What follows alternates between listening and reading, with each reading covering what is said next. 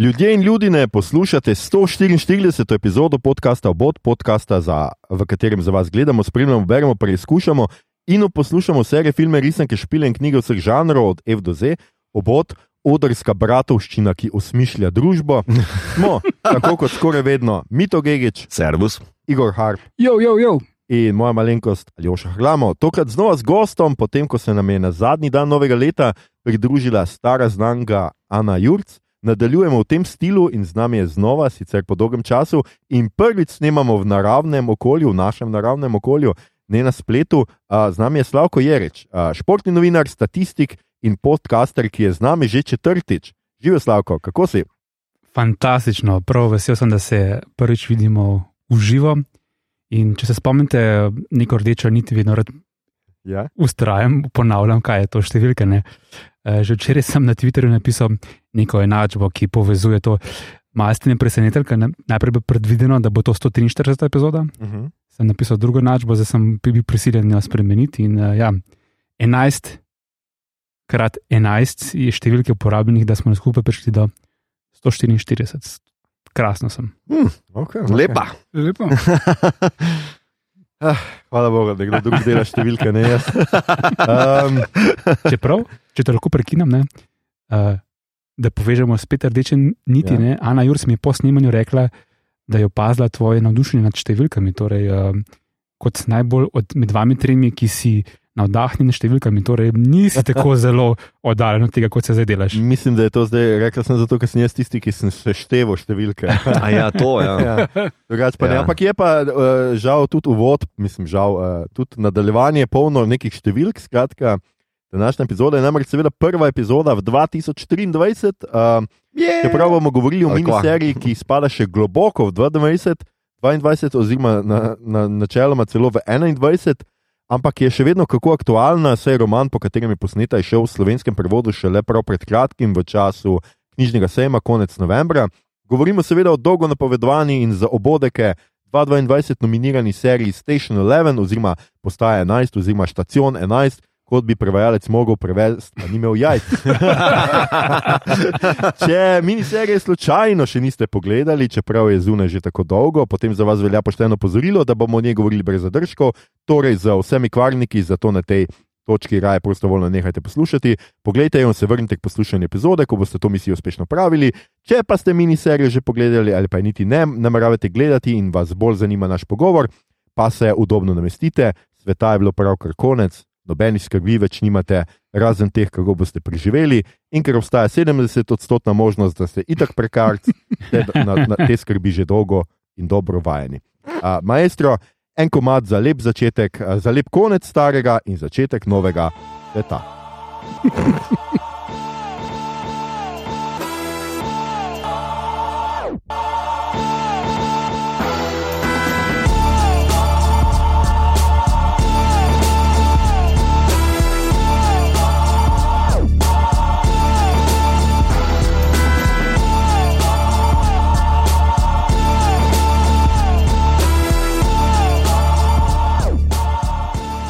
Skratka, danes delamo Station 11, postajo 11, ki je dosegljiva, kot smo omenili in bomo večkrat omenili, zdaj tudi v knjižni obliki. Uh, lahko si jo nabavite na spletnih straneh, uh, založbe Sanje ali pa seveda v knjigarni, ali pa uh, težite Igorju, da vam jo kupi in prinese podpisano. Jaz mislim, da bo Igor zelo navdušen nad tem, če mu težite, spet bomo objavili njegov naslov spodaj. Uh, miniserija je pa dosegljiva na HBO Max uh, in sicer je tam izhajala med 16. decembrom 2021 in 13. januarjem 2022 in šteje 10 epizod, približno dolgih, kakšno urico ali manj. Tako da lahko pogledate to v enem dnevu, če, imate, če ste recimo prehlajeni ali medtem, ko čakate na zdravnika vrsti pred zdravstvenim Oh, domom. oh. Um, ja, Tudi v tej seriji so zelo dolge vrste pred eh, zdravstvenim domovi. tako. Uh, in tam je konc sveta. Ja. Uh, um, skratka, gre za ekranizacijo istoimenskega romana Emily St. John Mandel, uh, oziroma Mendel. Mandel, ja, hvala, Igor. Uh, izvirnik je še 2014, uh, za založbo Sanje ga je prevedel Igor Harp, to je eden od nas, štirih tle. Hvala, hvala. Uh, Tako da bo Igor uh, še gotovo marsikaj seveda povedal tudi v knjigi. Šla je 21. novembra, če smo uh, čisto natančni. Uh, žanr je nekako žanri, ki se tukaj prepletajo. In o, kater, o čemer bomo tudi govorili, ker smo že imeli to debato odprli na obodekih v prejšnji epizodi. Če slučajno niste poslušali, ko je bila serija nominirana za najboljšo znanstveno fantastično serijo, je to mehka znanstvena fantastika, to je katastrofka, je apokaliptična, postapokaliptična serija, je preživetvenka, je antiutopična, utopična miniserija. Kaj od tega je, o tem skratka več v nadaljevanju. Če na hitro pogledamo še nekaj osnovnih podatkov. Uh, ustvarjalec serije Patrick Summerwill, uh, drugače pisatelj, napisal je dva romana in dve zbirki kratke proze.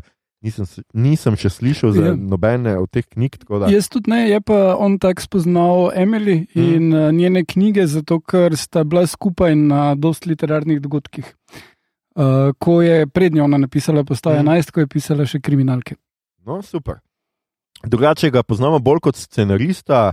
Kot eden od scenaristov je sodeloval pri serijah The Bridge in The Leftovers, uh, kot scenarist in soustvarjalec, oziroma ustvarjalec, pa pri eh, serijah, oziroma miniseriji Maniac in Made for Love. Je to kdo gledal? Ne, Ja. ja. A, Igor je gledal. Je, sem pogledal celo in je mm, weird, Okej. okay. uh, ni tako ful dobro. Kot misliš, da bo, uh, predvsem je odbito, ampak se ne sestavi cel ta bizarni svet hipnoze in ne vem, če so vse. Aha. Uh, Made for Love pa je full vredu sci-fi koncept. Uh, mislim, da tam so, so ustvarjalec, to je pa pač scena, da uh, tip, uh, ki je maskovski, Zuckerbergovski teh magnat, uh, da v že, ženi vgraditi uh, čip, s katerim lahko vidi in čuti vse, kar ona vidi in čuti, in potem ona pobegne in uh, proba pač se ga rešiti, s tem, da je on v njeni glavi. In zelo uh, veliko pove o sodobnem svetu in razmerjih in teh stvarih. Uh, pa rej romano, igra njenega fotra, not, ki je zaljubljen v seks dol. Uh, priporočam, Ja, na HBO. tudi slišiš se tako, tako da priporočam. Everybody loves Ray. Ja. Uh. Yes, Um, except, you know, the, Če je v romanu samo še to, seveda, uh, roman je prejel nagrado Arturja C. Clarka uh, in se do leta 2020 prodal v 1,5 milijona izvodov, serija pa je bila nominirana za 7 emijev in obodeka za naj ZF serijo, kar ni, Ni mala stvar. ni mala stvar danes. Ne? Um, uh, še na hitro, igralce, preden predam zgod, uh, zgodbo, preden predam seveda besedo Igorju, da nam obnovi zgodbo. Uh, Mackenzie Davis igra. Uh, Mackenzie Davis je ena tako zelo zanimiva igralka, ker ima debitirala je sicer v Smash, potem pa ima kar nekaj uh, zelo takih kultnih ZF projektov, igrala je v The Martian, Blade Runner 2049, v San Junipero, eni najboljših epizod Black Mirrorja. Mhm, mhm. In v Terminatorju Dark Fate, skratka, ni, ni nekdo, ki ne bi poznal uh, tega žanra. Uh, Matilda Lawler igra mlado Kirsten, ni še do, nikjer tako igrala, ampak jaz jo omenjam zato, ker mislim, da je bila zelo dobro odigrala. je bila dobra. Himeš Patel je Živan Šaudari, mislim, da je tako nekako. Čaudari. Čaudari. Uh, je uh, Tamvar Masud v East Endersih, za tiste, ki slučajno spremljate kakšno žajfenco. Sicer Okej. pa tudi on zelo uh, seznanjen prav s tem žanrom, igral je v Yesterday, v Tenetu, v seriji Avenue 5, uh, Mhm. je eden uh, zelo pomemben lik in v Don't Look Up je tu bil tudi. Um, Ja, veliko apokalipse. a Ne? Tako je, ja, za enega človeka. Pa vse je preživel. Ne? ja, pa vse je preživel. Ne, No, don't look up, ni ja, nič. Don't Look Up, Ja, noben preživel. Tam še DiCaprio ne preživi, kako bi on. Uh, David Wilmot uh, je Clark Thompson, poznamo ga iz Tudorjev, potem pa iz treh serij, ki sem jih, po mojem, sem jaz gledal: Ripper Street, The Alienist in Black Sails. Um, Daniel Zova, Zovato je Tyler Leander, uh, grozljivkah si je naredil kariero, Beneath, It Follows, Don't Breathe, in pa uh, igral je v Agents of Shield, Fear the Walking Dead in Penny Dreadful City of Angels. Potem imamo še Laurie Petty, uh, ki igra Sero, uh, Point Break, A League of Their Own, Free Willy, to sem mogel napisati, Tank Girl in seveda uh, zelo znana iz Orange is the New Black. In pa potem imamo še Gael Garcijo Bernala, ki je na zadnje smo ga lahko gledali v Werewolf by Night, in pa uh, Daniel uh, Deadweiler, uh, igra Mirando Carroll, The Harder They Fall in Till. je igrala Mhm. v, v, skratka, v biografski drami. Uh, to so nekako uh, glavni igralci, zdaj pa medtem, ko si jaz natakam pivo, poslušajte ta specialni efekt. Pardon. Pa ni nekako specialen. Ne?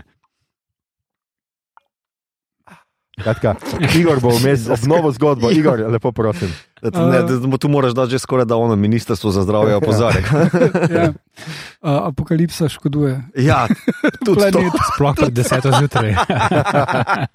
Da ni deset zjutraj, ne verjamete tem ljudem, ura je popovdne, je, pijemo pivo, tako kot pač. Nič takega ni. Se se ne rajši upravičevati, vse deset zjutraj nekje, vedno, ali, ali povdne, ali whatever. Uh, Igor, lepo prosim. Ja, uh, torej, uh, to opis te zgodbe je bil vedno en največjih challengeov, uh, največjih izzivov, ki sem jih moral preiti pri prevodu. Zato, ker opisati to zgodbo urednikom. Tako da bi rekli, ok, ja, to me pa zanima, je mm. bilo zelo težko, ker pač sred pandemije reči, uh, to je pa knjiga od pandemije in so bili vsi.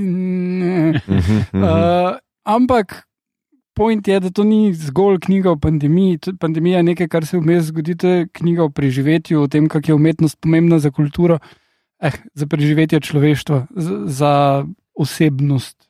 In uh, fokus zgodbe je na svetu 20 let po pač pandemičnem apokalipsi. In na skupini uh, glasbenikov in igralcev, ki potujejo med redko posejanimi majhnimi vasicami in uh, uprizarjajo predstave Shakespearja in koncerte klasične glasbe.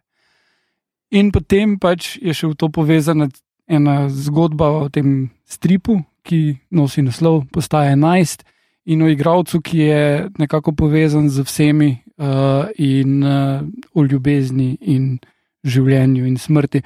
Skratka, dosta epska zgodba, ki pa uh, se za razliko od drugih uh, nekih apokaliptičnih narativov osredotoča na človečnost in ne samo to, da skrbimo drug za drugega, ampak na to, kar je pomembno za človeštvo, da obstajamo.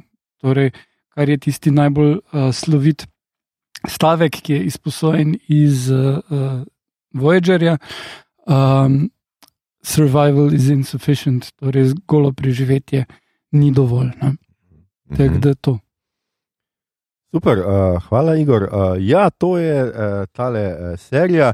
Uh, mogoče za začetek, preden se lotimo skratka, pogovora o tem, kam res tole spada, da zadovoljimo še mitotov, uh, ker vem, da ga tam že dolgo srbi nekaj. Uh, bomo uh, naredili seveda en krok, da, da se malo pogovorimo, kako nam je bila nasplošno najprej všeč uh, ta serija in seveda, tako kot se spodob, začenjamo s tabo, uh, Slavko. Tako da, kako je bila tebi všeč serija? Uh, A si, čak, a si jo ti pogledal, zato ker smo ti mi rekli, da jo moraš pogledati, ali si jo že prej celoto? Nekje vmes, ne, kaj ne Nekje rečem, vmes. da ne, moraš. eh, mhm. Pač dobo sem prijazen v navednicah predlog, ne sebi prijazen predlog. No, tako da, to, da veste, poslušalci, kako, kako se posluša. No? Tako je treba, če me vi, mi vam rečemo nekaj, pogledajte, pogledajte. Ne, Res. skratka, Slavko, pogledal si in uh, skratka, nisi nam zameril. Ne, sej z Igorjem se vsa ta leta veliko predlagava razne vsebine. Mislim, da Igor zdaj že ve, kakšen žanr je meni približno všeč in ta žanr mi je zelo všeč, sploh. Ker je številka v naslovu. Ja. ja. Igor je vedel, kako te kupiti. Ja. Zelo pocen, zelo hiter je. ne, ampak dejansko to vprašanje mi je res, nam reko, pisano na kožo. ali Pa, kaj bi se zgodilo, če bi prišlo do apokalipse? Ne? Kako bi človeštvo reagiralo? Uh, vedno pred sabo vidim dva možna scenarija. Ali bi se človeštvo, civilizacija razpadla in mi postali res nek trop ljudi, ki samo gleda, da preživi, ali bi ohranjalo v sebi neko človečno, človečnost, tukaj, ki jo vidimo res uh, v tej viziji, vidimo res na prvi vrsti, da je prepet, prepletena z neko duhom umetnosti. Ne samo gledališče, imamo tudi glasbo. Če se obrnemo nazaj, imamo tudi potem vidimo film, vidimo uh, risoromane, mrsikrat umetnost v res različnih oblikah in to vprašanje me je vedno vznemirjalo. In ko mi je Igor to predlagal, uh, priznam se, če se bo spomnil, sem bil tako malce zazdržan, bo šlo to v smeri ceste. Ne? Mhm. Ceste nisem bral, videl sem film tri minute, ravno tisti prizor iz kleti, ko se je odprla lopota A, in so bili tam točno. ljudje kot uh, zaloga hrane. vi ste vsi to gledali, brali. Mhm, No, ti mhm. smo bil res, res možno od tega ne prenese in takih vizij ne namaram. Ni gore tako rekel, ne, ker pogled, to je drugačna vizija. In ta vizija mi je bila všeč, torej, zato ker je veliko različnih umetnosti, zato ker eh, te prisili, da se sprašuješ, kaj je človek, kaj je vredno, da ostaneš človek in res kakšno vlogo ima umetnost. Poleg tega pa mi to zdaj gledam tebe. Uh, tudi to večno vprašanje, kako je to prikazano, kakšne svete, kakšne barve so. In Mhm. Vsa ta kombinacija se mi zdi tako umirjena, kljub temu, da je apokalipsa, ki nas prisili, ne hkrati v strah. A bomo, bomo preživeli, tudi ta strah je vedno prisoten, ne, ko se po letih, po mesecih, letih srečajo z novimi ljudmi, ta vendarle strah po preživetju, prva reakcija, imaš za sabo puško ali karkoli, da v človeku vidiš potencialnega človeka, ki ti lahko vzame življenje. In ta balans in vsebine, barve, pripovedi in nekega optimizma, ki ga imam rad, eh, me je prepričalo in sem to serijo in kasneje knjigo kupil. Mhm. Mhm. Super, uh, hvala, Slavko. Ja, uh, mogoče Igor tebe pustimo za konc in si mi to ti na vrsti. Um, kako mi je bila všeč? Ja, ja. Zelo všeč. Um, ja, kratko je denato.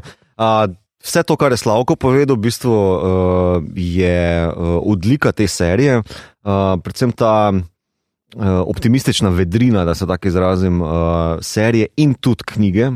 Uh, knjige, predvsem, predvsem v plus štejem uh, strukturo, uh, pa uh, zelo slikovit jezik, ki ima res posebno moč ti naslikati uh, lep imič, no? uh, da ima to sposobnost, da v bistvu preseliti nekam. Uh, serija mi je tudi mogoče malo pomagala, ker sem jo pač prej pogledal, ne, da sem si lahko na določene like, neke obraze narisal, ne, ampak uh, imata obe dve neke svoje, s- kako rečem, pluse oziroma uh, močne točke, ki uh, se jo splača ločeno tudi uh, motriti. No. Um, ta slikovitost se v bistvu v tej seriji, za razliko od ostalih postapokaliptičnih zadev, kaže v njeni visoki barvni paleti, oziroma svetli barvni paleti, sem tako izrazil. ne. Da ni zdaj nasičena z barvami, ampak je v bistvu tako lepa pastelna zadeva, ki ti nekako kaže ta uh, spodnji koncept, da pač v, a, da po apokalipsi ni vse črno-belo, da ni tega kjaroskura, tega groznega kontrasta, kot ga imaš cesta, Mad Max ali pa še tisoč enih drugih zadev. Ne. Tu imaš v bistvu nek optimizem, ki se uh, kotali po, uh, okrog tega jezera ne, in se mi zdi, da je to zelo lepo noter pripeljano. Ful me spominjalo na neko tako mehkobo filma, no, kot nekaj analognega, na nek spomin. Um, to je bil pač moj ta neki, rečemo, temu, žametni občutek tega. Ne. Um, uh, v knjigi uh, mi je pa to uh, zelo dobro eh, delovala ta struktura, kako se v bistvu uh, knjiga lepo posluži določenih prijemov, da ti povezuje različne like med sabo. ne. Kao, se vrže lik, tako kot serija, se, uh, se vrže v to, da imajo vsi nek connection. V knjigi je pa še to dodatno kao nabito z artefakti, pa z določenimi revijami, pa za ono snežno kroglo, te, to v seriji umanka. Ne? Uh, tudi liki so malo drugače postavljeni, tako da v bistvu obe dve imate kao zelo. Obe dve zadevi, oba, izdel, oba izdelka imata v bistvu zelo lepe prijeme, ki ti dajo res, res lepo doživetje. No, Mi to kakšen vrstni red si imel, V čemu? Uh, serija, knjiga, Najprej serija, pol knjiga. enako. Ja. Ja, ja. Uh, Se pravi, pomaga mi, pomagalo mi je, da sem malo pač veš na like določene uh, obraze lahko uh, prepopal gor, zato se mi zdi, da je bilo še bolj slikovito, no, pa domišljija je mogoče malo bolj delana. Se veš, pri knjigi imaš včasih malo izziv, da si mogoče za nekoga malo bolj urišeš, pa tudi kljub temu, da so lik, uh, liki opisani v knjigi malo drugače, kot jih imaš reprezentirane v seriji, ni noben minus, ne, Mhm. kvečemo plus. Super, uh, hvala mi to. Bom zdaj jaz, pa bomo Igorja pustili za na konec, kot se spodobi. Na koncu Um, pride najboljše. ne.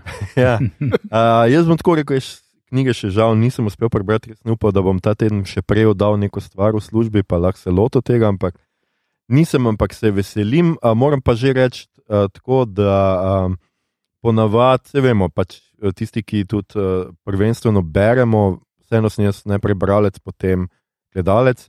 Mi je vedno knjiga boljša in tu me res, res zanima, je knjiga boljša, ker je serija res, meni je bila serija ena najboljših stvari, ki sem jih lani videl. Um, ravno zaradi tega vsega, kar sta zdaj vidva, do zdaj povedala, pač zdi se mi, da prvič je težko narediti optimistično serijo o koncu sveta. Uh -huh. Zdi se mi, da posebej je težko narediti brez neke sentimentalnosti, patetike, uh, ne vem česa, ampak jim je to uspelo s tem, da so se naslonili sicer na, s tem, da se zgodba naslanja na klasiko, na kulturo, na vse to, kar smo a, do zdaj omenjali. A, in pa na, tudi na izmišljen a, strip, ne, oziroma risoroman, a, pač ni vse, da je vse samo referenca na neko um, resničnost, je tudi uh, pač znotraj uh, fiktivn uh, risoroman. To se mi je zdelo zanimivo, predvsem se mi je pa zdelo, um, da je izredno, uh, ja, tako kot uh, sta oba zdaj tudi rekla, barvita. Ne? Jaz sem gledal The Walking Dead in tam je pač prihodnost. Zelo, zelo sivkasta, zelo, zelo temna, kljub temu, da seveda prihodnost brez ljudi ne, je smešno, da bi bila taka, glede mm -hmm. na Mhm. to, da pač takrat vegetacija lahko požene, mm Mhm. -hmm. lahko dejansko se vrne džungla in ne vem kaj. In se mi zdi tudi z tega vidika, da je serija prikazala en drug, drugačen svet, po drugi strani pa mi je vseeno bilo tako zelo blizu doma, kot bi rekli američani. Ne, um, ta pandemija, ne, kako jim je to ratalo, da so snemali. Ko so začeli snemati, namreč serijo, še ni bilo pandemije. Ne? Pandemija se je zgodila vmes med snemanjem in dejansko je moglo biti to za igralce res čudna izkušnja, Uh -huh. ker se je pač enkrat to, kar so oni snemali, dogajalo pred njimi, po mojem, so mogli biti živčni, prestrašeni, ne vem kaj do konca. Saj jaz bi bil, a veš, ker pač tam umre kaj 80, koliko. 99,99. Tako, Mislim, devet, noben statistik ne preživi, tako da Tako. približno ocenijo. Skratka, umre večina ljudi, preživi res, res, res, res malo a, ljudi. Ne? In potem, ko to gledaš, dejansko so, je pač ta pandemija v seriji izgleda zelo podobna pandemiji, kot smo jo mi doživljali. Skratka, mm. Lahko se pač tako začne se tudi v Aziji, maske nosijo, ljudje, ki nočejo nositi mask. Pač taka zelo, zelo podobna, a, podobne scene so in tudi ta občutek negotovosti se mi Mhm, zdi, da je mhm. zelo. Ampak na srečo sem jaz to gledal ene par mesecev nazaj, tako da več ni bilo. Pri nas ni več pandemije, ne, tako, ne vemo. Ne.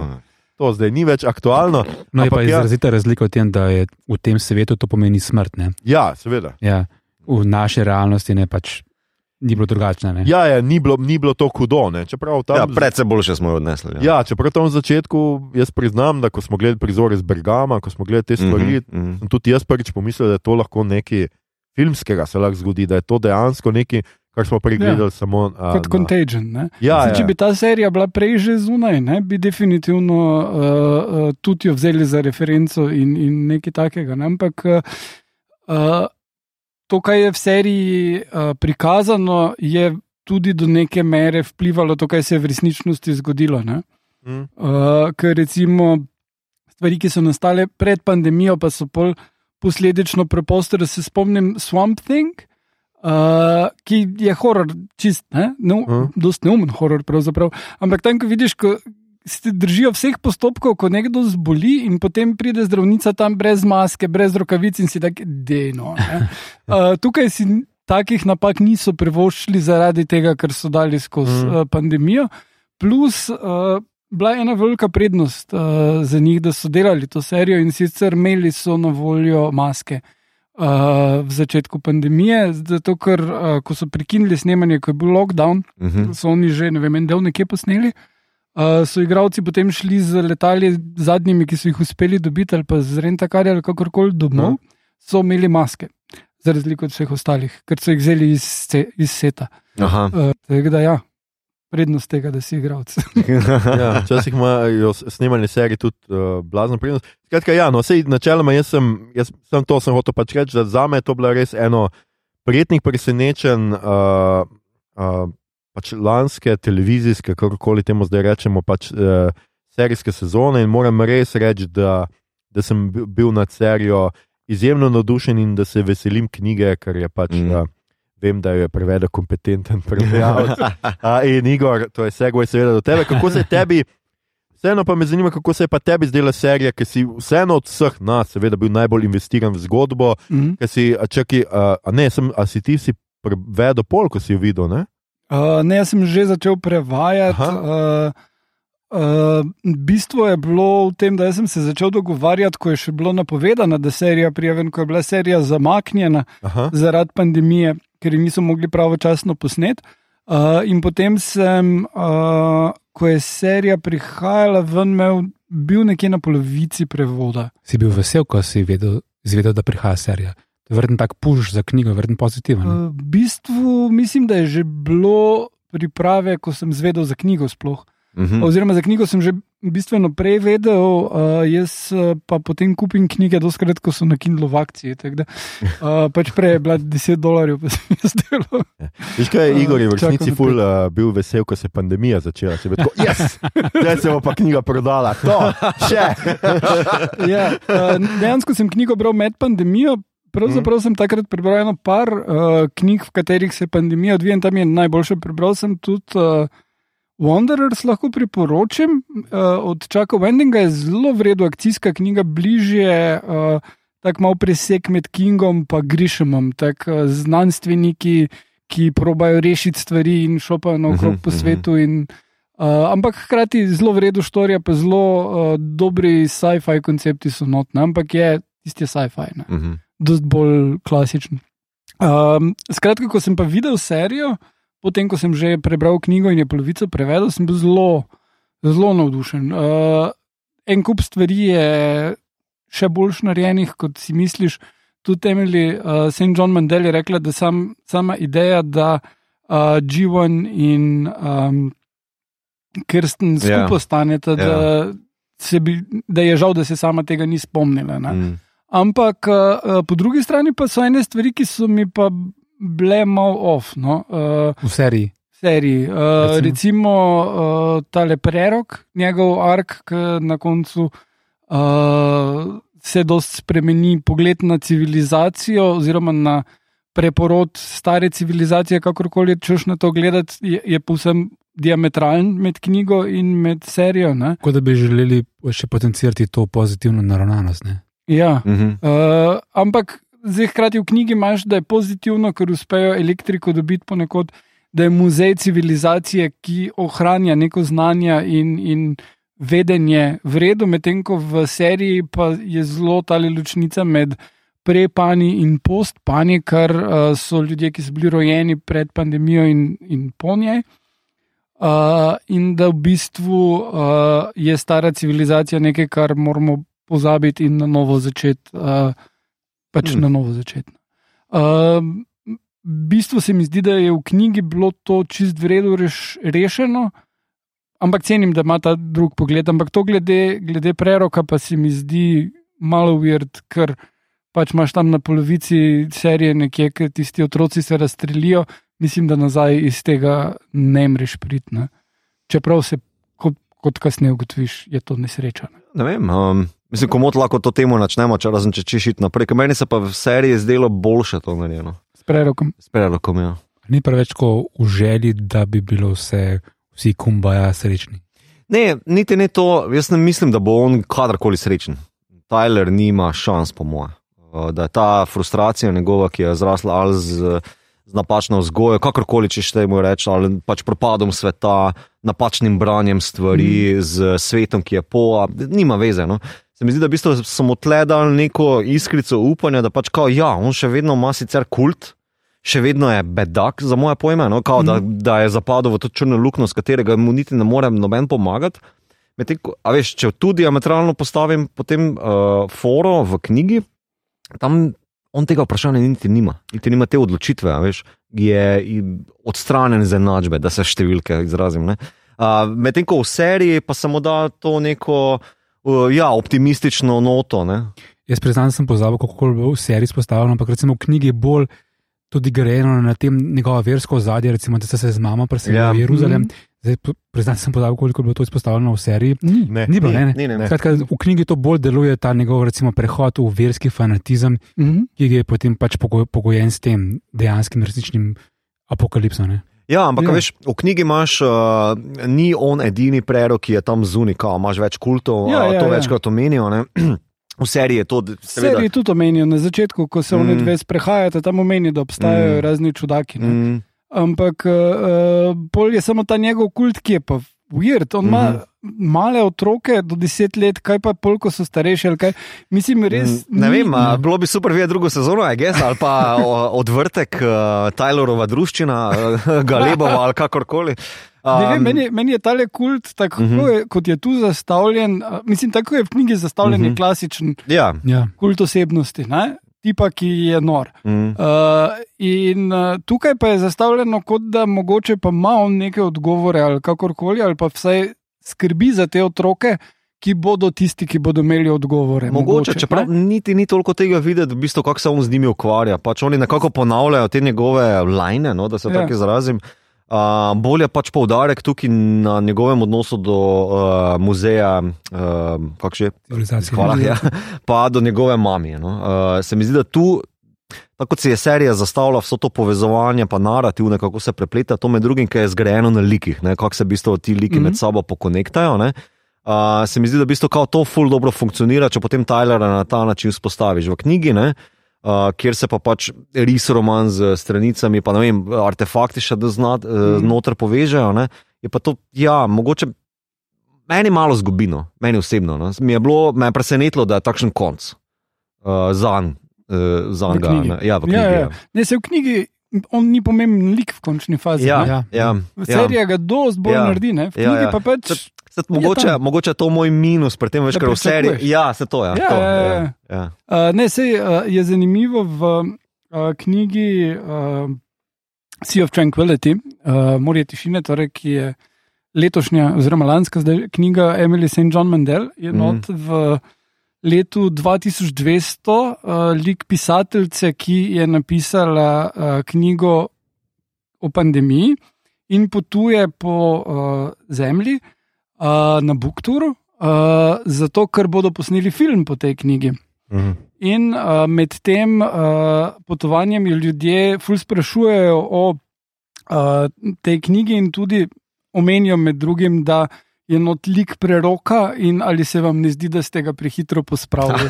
A ja, Prav, okay. ja. A ja, okay. Toliko daleč gre. Okay. Ok. Tako da očitno je to vprašanje, ki ga je ona dostkrat uh, uh, okej, naletela na njega. Verjetno tudi zaradi serije. Ne? Ja, Mhm. Ja. tudi ja.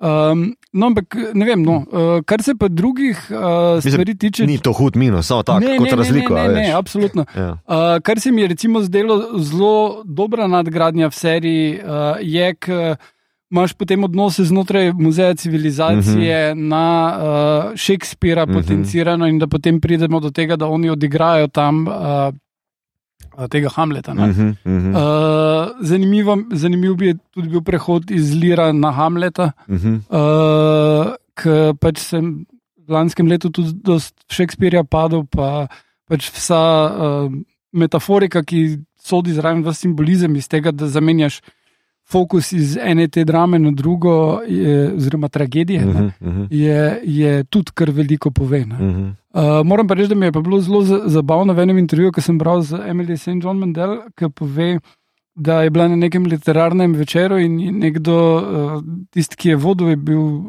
strokovnjak za Shakespearea.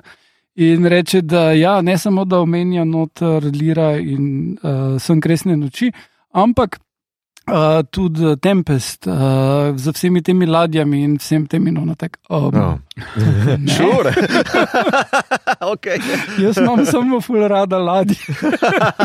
in ful mi je fascinantna ta globalna tre, tale shipping industrija in to je to. ne. Mhm. Um, Tako da, uh, ja. Uh, moram reči, da meni je serija ena boljših, ki sem jih videl lani, uh Mhm. -huh. da pa glede na to, koliko sem, kolikrat sem prebral to knjigo, mi je pa knjiga vseeno ljubša. Kolikrat si prebral knjigo? Vsaj pet, če ne šest. Kaj pa svojo, prevod? Ja, to vse skupaj. Ja, eh, izvirnik sem prebral enkrat, pa še ga malo preletel, pa potem, ko prevajaš, pa potem še, ko pregleduješ, pa piliš, pa lektorirano gledaš. Pa tako dalje. Če lahko vprašam vse tri, kako ste se počutili, recimo, to vprašanje se težko zdaj špekuliramo, ker pač pri nas, hvala Bogu, je bila smrtnost pri našem COVID-u pandemiji Mhm. res precej nizka. Ne? Kako resnično se vam je zdelo, recimo, ta nek ohranjen stik do umetnosti, ali bi bilo res to? Jaz imam dvom, jaz sem se velik pristaš umetnosti, želim si, da bi tako bilo, ne? da bi imela umetnost tak močen občutek, močno moč povezovanja, da se res ostanek človečnosti. Se mi pa zdi, da če bi se to res zgodilo, ne, da bi bil ta uh, boj po preživetju, golem obstanku močnejši od da bi povozil to željo ali pa moč umetnosti. Ja. Um, no, kot edini profesionalni umetnik tukaj, uh, uh, sem se isto vprašal, tudi ko sem potem me veseli, da si to omenil v naših zapiskih oziroma v scenariju. Jaz mislim, da v prvih letih, tako kot je v tle v knjigi, uh, se noben, uh, vse kristen ne spomni, ne, kaj je v prvem letu. Jaz mislim, da prva leta bi bila grozna, kultura ne bi imela mesta v prvih letih. Uh, ko se pa neki ustali, ne, pa pride domišljija, po mojem, nazaj človek gor, levo, desno, pink, črni, beli, whatever, nima veze, bi prišlo nazaj na površje. Ne. In tu bi v bistvu se lahko hitro navezal nazaj na naše nastanke, ne, na Altamiro, na jamske poslikave. Ne. V bistvu tam so ljudje v identičnih, ne identičnih, pač v groznih razmerah živeli brez kakršne koli dobrine ali kakorkoli, pa je človek vseeno imel potrebo iti za baklo ali leščerbo, s čemkoli pač v globino jame, pa naslika tisto, kar je videl zunaj, kar je v njegovem možganu notrne. Tako da, po mojem, je to odgovor. V prvih letih bi, po mojem, bila katastrofa. Kultura ne bi imela mesta, kvečemu bi, bi bil to, ne vem, dober one-liner, ko nekoga pihneš. Um, kasneje pa ja, po mojem, bi prišla nazaj. Uh, mislim, jaz se ne bi čist strinjal, uh, uh -huh. ker je ena funkcija kulture, ki bi imela v tem ja. obdobju. In to tudi v, v knjigi omeni, da pač dok je bil benzin, si lahko še gledal filme. Ja. Ampak uh, tudi koliko sem bral o, o drugih nekih teh kriznih situacijah, vojnih in to. Uh, kultura oziroma glasba, predvsem. Uh, služi temu, da se stresa znebiš, da Mhm. zžuraš. Uh -huh. Uh, tako da v tej luči ta vrsta kulture bi preživela uh, tudi tisto kratko obdobje. Mislim pa, da um, če bi se civilizacija začela nekako tako vzpostavljati kot tukaj, mm. mm. mislim, da je bližje temu, kar Emily St. John prikaže kot pa Mad Max, no, temu, kako bi izgledalo. Uh, moram pa reči, da to je bila ena glavnih kritik, ki je letela na serijo, ko sem spremljal, da kaj se tu grejo, neki potujejo naokrog v vozovih. A res, okej. Pač nam je vsem jasno, da bi Mad Max imeli sceno. Meni je zanimivo, da bi kot po nekaj, če greš potence, mer- če bi naprimer lahko zmeril potence določenih medijev, ne, je teater Mhm. vseeno tam gor po potenci doživljaja, ki ga zmore prenesti. Veš, Tako Ja, ja. Jaz pa komot razumem, da daš ti post-pandemič, mislim, post. Uh, Pandemično, postapokaliptično, kot ta medij, da bi bil mogoče najbolj pripoveden. Ne, se to pravim, močen. da tole je Ja, ja, nekaj, ja. Da, da Mad Max ne bi. Uh, in tudi, kar ona izpostavi tukaj, pa drugače zelo veselo ignorirajo vsi. Ne? Uh -huh, Uh, benzin se pokvari. Ne? uh -huh, uh -huh. Benzina nimaš. Tu, v seriji tudi imaš tiste električne avtomobile, to tudi ne delale baterije Mm, 20 let. No? Come on. Kje pa imaš baterijo, ki bo 20 let zdržala? Uh, ja? Če smo v pri teh umetnostih, ne meni razlika med serijo in knjigo. Ne, v tej skupini ne, da je bilo v knjigi veliko bolj izraženo, da ni samo gledališče, da je tudi glasba. Ne. Mm. Se mi zdi v seriji tako občutek, sem imel, da je bil pa bolj podarek na gledališču. Ne. Uh -huh, uh -huh. Ja, tudi. No, se imaš potem tisto predstavo, ki ona odigra klavirsko zadevo. Uh -huh. Uh, uh, ta- A ja, na onem uh, golf resortu ali kaj Ja, že. ja, Uh, ja. Um, Ne, se mi zdi, da je v bistvu kao ta živa umetnost, ne, v bistvu je tukaj bolj poudarjena, ne, v, tudi v knjigi in v mm. Seriji. Ne, da v bistvu medtem ko rečemo temu, ja, ker še. traj, rečemo temu trajne, uh, premične umetnosti, ne, knjiga, uh, slikarstvo ali pa kip, dobro, kip, ti že prevažaš, um, bi, uh, bi imele mesto. Ali v knjigi, ali pa v po našem, mm. rečemo, zdaj, hipotetičnem, postapokaliptičnem svetu. Um, Samo pač ne vem, kako bi zdaj to lahko v bistvu vrednoto tukaj. Ne? Kao literatura, Mislim- vsekakor bolj. Vse to v knjigi je omenjeno, da v bistvu ima to mesto, da je pomembno. Uh, Notor so omenjene revije, ki jih zbira Vse je Kristjan. glih to, ne? Ja. Kaj, kaj je potem umetnost na eni taki sceni? Uh, v knjigi imaš ona dva, ki pač gledata te uh, uh, hiše, ki jih najdete, in on išče poezijo, Mhm, ker je mhm. ful redka, ona pa išče uh, TV sporede. Mm -hmm. In za njo so TV sporedi, pač basically art. To, to je tudi Ja, ja, nekaj, kar je mene v dušo zadelo, ker pač kot Je nagovorilo. soustvarjalca vikenda uh, bomo preživeli, we matter. Yes. Ma ja, mislim, se tukaj je.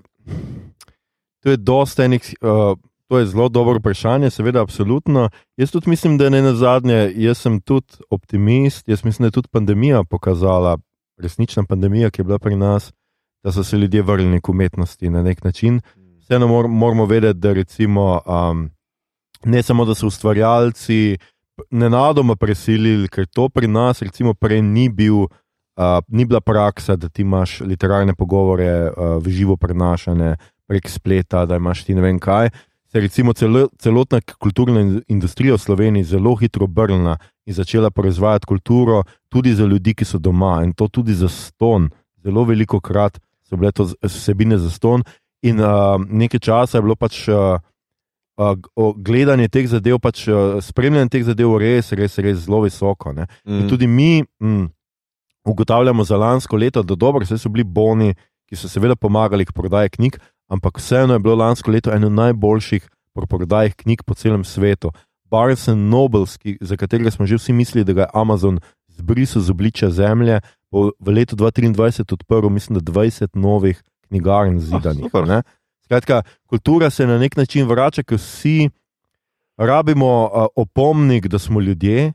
In jaz mislim, da kultura nas vseeno to opomni. Mm. In ja, se strinjam, da seveda, če bi civilizacija zdaj začela prodajati, nihče, propadati, nihče ne bi zdaj začel tuhtati, ne vem, kako bo pa film preživel. Pač najprej moramo mi preživeti. Ampak takoj, ko človek preživi, preživi tudi kulturo. Ja, ja, mislim, da je to zelo pomembno. To, tu, tu se vidi mogoče ta razlika med našo pandemijo in njihovo, ne, oziroma ta, ki je bila ilustrirana v knjigi in seriji. Ne, da v bistvu, um, ko ti omankajo mediji dostave ali pa um, nasplošno neki prejemniki, ne, ti umestniki, preko katerega uživaš kulturo, ne, uh, to, kar smo mi imeli, vseeno.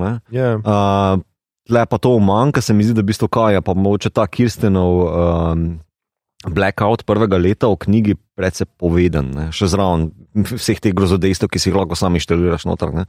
Um, da pač to, ja, kultura, po mojem, vzame backseat takrat, ko res ko se ti res gre za golo preživetje. Ne? Ja, um, gotovo. Ne? Se ja. zaradi tega je vseh nas strah, a bo zdaj letos pač recesija, bo ekonomija padla, ker to se je na kulturi najprej mm, poznali. Ljudje najprej ja. dajo, ker kultura ni tisto, kar bi bilo nujno za preživetje. Ko ti izbiraš, seveda, med preživetjem in kulturo, ki je v, v, v smislu preživetja postane luksus, bo mm -hmm. seveda zbral kult, uh, kulturo, bo seveda zbral preživetje, logično. Yeah. Mislim, najprej moraš preživeti, da lahko preživi tudi kultura mm. in tudi kulture brez ljudi. Mm. Zato je, zato je res tako dober mm. ta stavek, glih iz Voyagera potegne na ven, ki mi je res mm. všeč. Se spomnim, zdaj, ko sem prebral, mi je bilo toliko bolj jasno, zakaj sem me spraševal takrat, uh, okay, kje, z katerega dela je to. Ja, ja. Um, pa pač, ja, pa kako prevesti, v bistvu tale golo preživetje res ni dovolj. Ja. Najprej je res golo preživetje, pa, pa okay, kaj pa še je zraven res golega preživetja. Mm. No, ja. druga stvar je, seveda, da kultura ponuja nek ideološki narativ uh, tukaj. Ne? Ker seveda zdaj te posamezni zaselki, ki živijo ločeni, od, vsi so se nekako rešili in ustvarili, ustvarili neke dokaj zaprte skupnosti, ki pač med sabo uh, vseeno nimajo neke velike komunikacije. Ne? Imajo ta narativ, kar jih povezuje v neko zgodbo po pacu, recimo, in jim, mm -hmm. in jim daje nek občutek, da so še vedno kljub temu ena skupnost, eno človeštvo. Um, poleg tega, pa, ker smo že pri proroku in tem, tam, ne, jaz vseeno mislim, da je mogoče malo premalo, oziroma da ne smemo pozabiti, da se vidi, pokaže serija tudi to, kako je kultura lahko nevarna. Ne? Uh mhm. -huh. Kako pravzaprav, vedno, ko pridemo do kulture ene knjige ali pa enega stripa v tem uh mhm. -huh. primeru, ne, pa da, seveda dobimo lahko tudi verski fanatizem in dobimo mi skratka nekoga, ki dobesedno verjame neki stvari. Pričemer je bilo meni strašno zanimivo gledati to v seriji, upam, da pač rad bi čakam, da v knjigi podrobneje preberemo tem stripu, ne? ker ta strip je tako zelo melanholičen, zelo je tak. Uh, Mal depresiven, zelo je tak, uh, govori o enem tipu, ki je nek sam na neki postaji vesolju in preživlja to samoto. In uh, se mi zdi, da je taka po eni strani uh, zelo abstraktna, abstraktna strip, ki seveda omogoča, da mi v njega interferiramo, ful nekih svojih, uh, svojih stvari noter. Kaj ti pa tako, ne, ne najbolj primeren, recimo, bi jaz rekel, ne, za neko verski fanatizem ali pa za neke mm. ideje, kdo smo zdaj mi, pa ne da glih nekega končnega odgovora, ampak tako je tudi ta prerok, vse kot otrok, pokazan. Ne? Mhm. Tudi to se mi zdi zelo zanimivo in zelo pomembno, da pokaže avtorica, oziroma ustvarjalci serije v tem primeru, da je seveda prerokova osebnostna struktura tista, ki potem določa njegovo religijo in ne obratno. Ne? On je že kot otrok tako mal poseben, odmakne se od matere, zameri nekaj, ima neke zamere do nje, uh, ima neke, skratka, en tak nenavaden odnos, ki ga ima, ki ga potem uvede v vse to. Jaz mislim, da, da vsi ti otroki, otroci, ki jih on nekako privabi k sebi, jih- da imajo neko zamero do staršev, mm -hmm. da pač pravzaprav je, jih on dobi na to neko foro. a, Osamelosti in odrezanosti, zato ker se starši spominjajo nekega sveta, Mhm. ki ga ni več in še mogoče ne pol živijo v tem svetu, oni pa ne. ne? Mm. Uh, ja, se to, je- to je kar razlika. Ne? ker V, v, v knjigi on nima zamere do matere, uh, on gre z kultom, oziroma mati gre s kultom in njega zraven vzame, in potem on postane vodja tega kulta. Mhm. Uh, in, in je fulbol pač ta klasičen kult. Uh, uh, tukaj imaš tale koncept novega sveta, zelo, zelo spremeni stvari. No, Če se vrnem uh, to, kar si ti rekel, ko so pomembne upodobitvene umetnosti. Ne? V uh, seriji celo vidimo predstavo uh Mhm. -huh. Station Eleven, Mhm, uh -huh, ki jo uh, malo uprizori. Ne? In tisto je krasno narejeno, uh Mhm. -huh. uh, zelo dobro. Mislim, tisti del, kako je zgrajen, cel tist, cela tista epizoda, ki je v bistvu odrasla, ker sem v komi in se spo, spominja, oziroma v nezavesti, kakorkoli, in se spominja tistega uh, um, čakanja, da bodo lahko šli iz stanovanja Mhm. uh, z Dživanom in njegovim bratom, tisti je res uh, uh, dobro narejeno, Mhm. mm. zelo kompleksno. Pa ko smo omenjali verstvo, ne, mi se zdi to zelo realen razplet. Tudi zdaj, recimo, nismo v neki hudi krizni situaciji, ne, pa vidimo, mnogo krat je lahko odgovor verstva, Bog nas maš, uh, štrafa, po domače povedano, Mhm. ne nas kaznuje. Mm. Uh, tudi v drugih, recimo, številnih filmih, recimo, zdaj v glavu mi pade stik ne, z Jodie Fosterjem, ki je Karl Saga napisal. Ne, smo videli nekaj tistega preroka, ki je stal ob strani. Mm. Skratka, se mi zdi to zelo realistično, ko svet s svojimi naravnimi zadevami, recimo propadom sveta, kometni, whatever,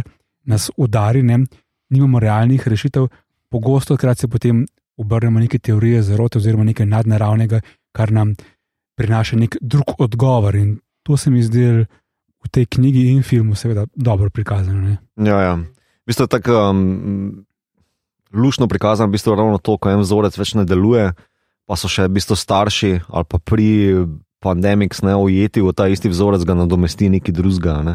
Zdaj, uh, ali je to optimistična verzija, ali pa to mm. mogoče malo bolj kultna. Ne, pa, Ja, ne, se meni je bilo uh, ful zanimivo prvič, ko sem slišal v seriji izraz pripen. mm -hmm.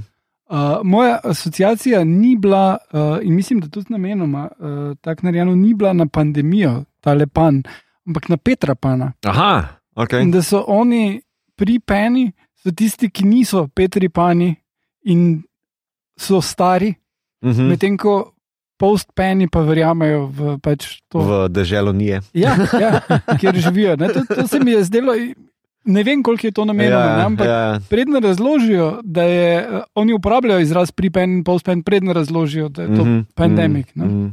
No, jaz se mislim, da si tle zamudil eno priložnost, da bi jih poimenoval pred pande in pod pa, po pande. uh, v knjigi ni tega.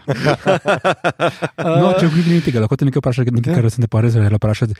Kakšna pravila, Igor, so, ki se jih mora prevajalec zdržati? Koliko imaš svobode pri prevajanju teksta? Recimo?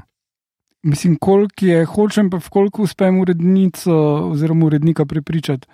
Um, Ne, ne bolj malo, ampak. Pa če si dovolj plačen za to. Uh, ne, meni se zdi, da, da pač, uh, mora biti čim bolj v duhu tega, kar je avtor oziroma avtorica želel.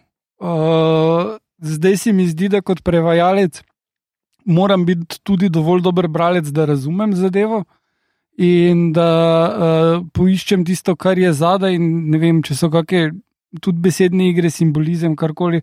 To čim bolj, v čim večji meri ohraniti potem. Ne? Lahko narediš bolje, kot si naredil original. Zdaj gledam tebe, Ljoša, v smislu ne, če najdeš boljšo rešitev, pa je hotel originalni pisec, pisateljica to povedati malce drugače, morda celo slabše, besedno, slogovno, pa ti najdeš boljšo rešitev. Kako urodniki gledate na to? Recimo? Ja, to je kar kompleksno vprašanje. Jaz ne bi rekel kategorično ne in ne kategorično ja. A, načeloma jaz pač a, se držim tega, ampak tudi zaradi tega, ker program Cankareve založbe oziroma program, ki ga jaz urejem, načeloma je iz vem, vrhunske, so vrhunski prevodi, mislim, prevodi vrhunske literature in tam seveda zaupaš, da je avtor. Naredi, mislim, načeloma so to tako dobre knjige, da je malo takih stvari, ki bi jaz rekel to je pa avtor slabo naredil, da je to popravil. Ampak ja, zgodi se, seveda, ne vem, zgodi se. Meni se je zgodilo enkrat, eh, vem, da je avtor nekaj narobe. Eh, eh, mislim, da je bilo nek američan, ki je nekaj o Evropi pisal in nekaj narobe razumel. In je pač napisal faktično narobe, in smo to pač popravili. No, nam se je mm. pač zdelo, da ne moreš tega not pustiti, ker vsak bo to v slovenski bral, bo tako, kva. Uh, in moraš to popraviti. Kar se pa sloga tiče, je pa to kar nevarno vprašanje. Jaz načeloma nimam rad prevelikih odstopanj, Je pa seveda drugo vprašanje, kaj je preveliko odstopanje.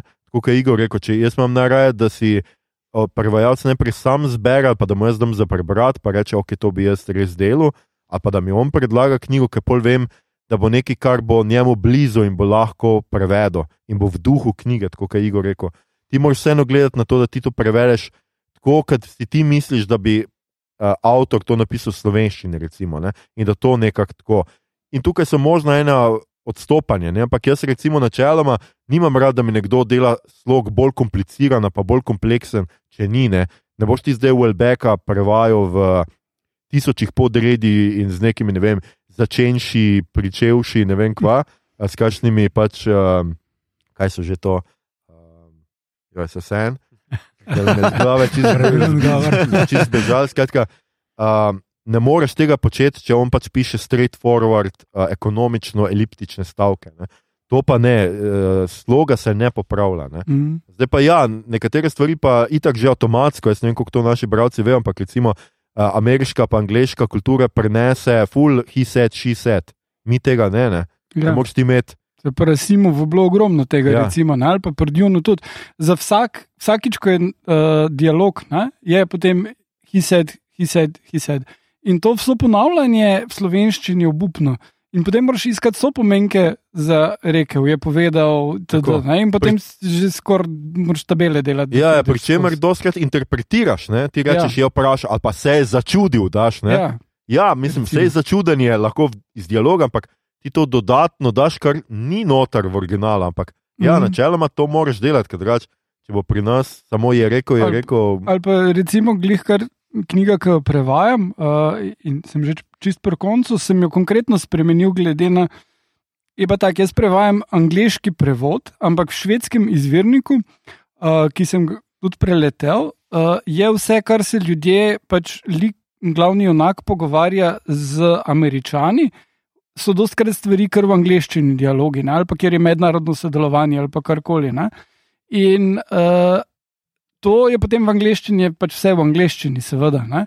Ampak jaz, ko prevajam v slovenščino, ne bom pustil tega v. Mislim, ne bom dal tega v angleščino. Ne?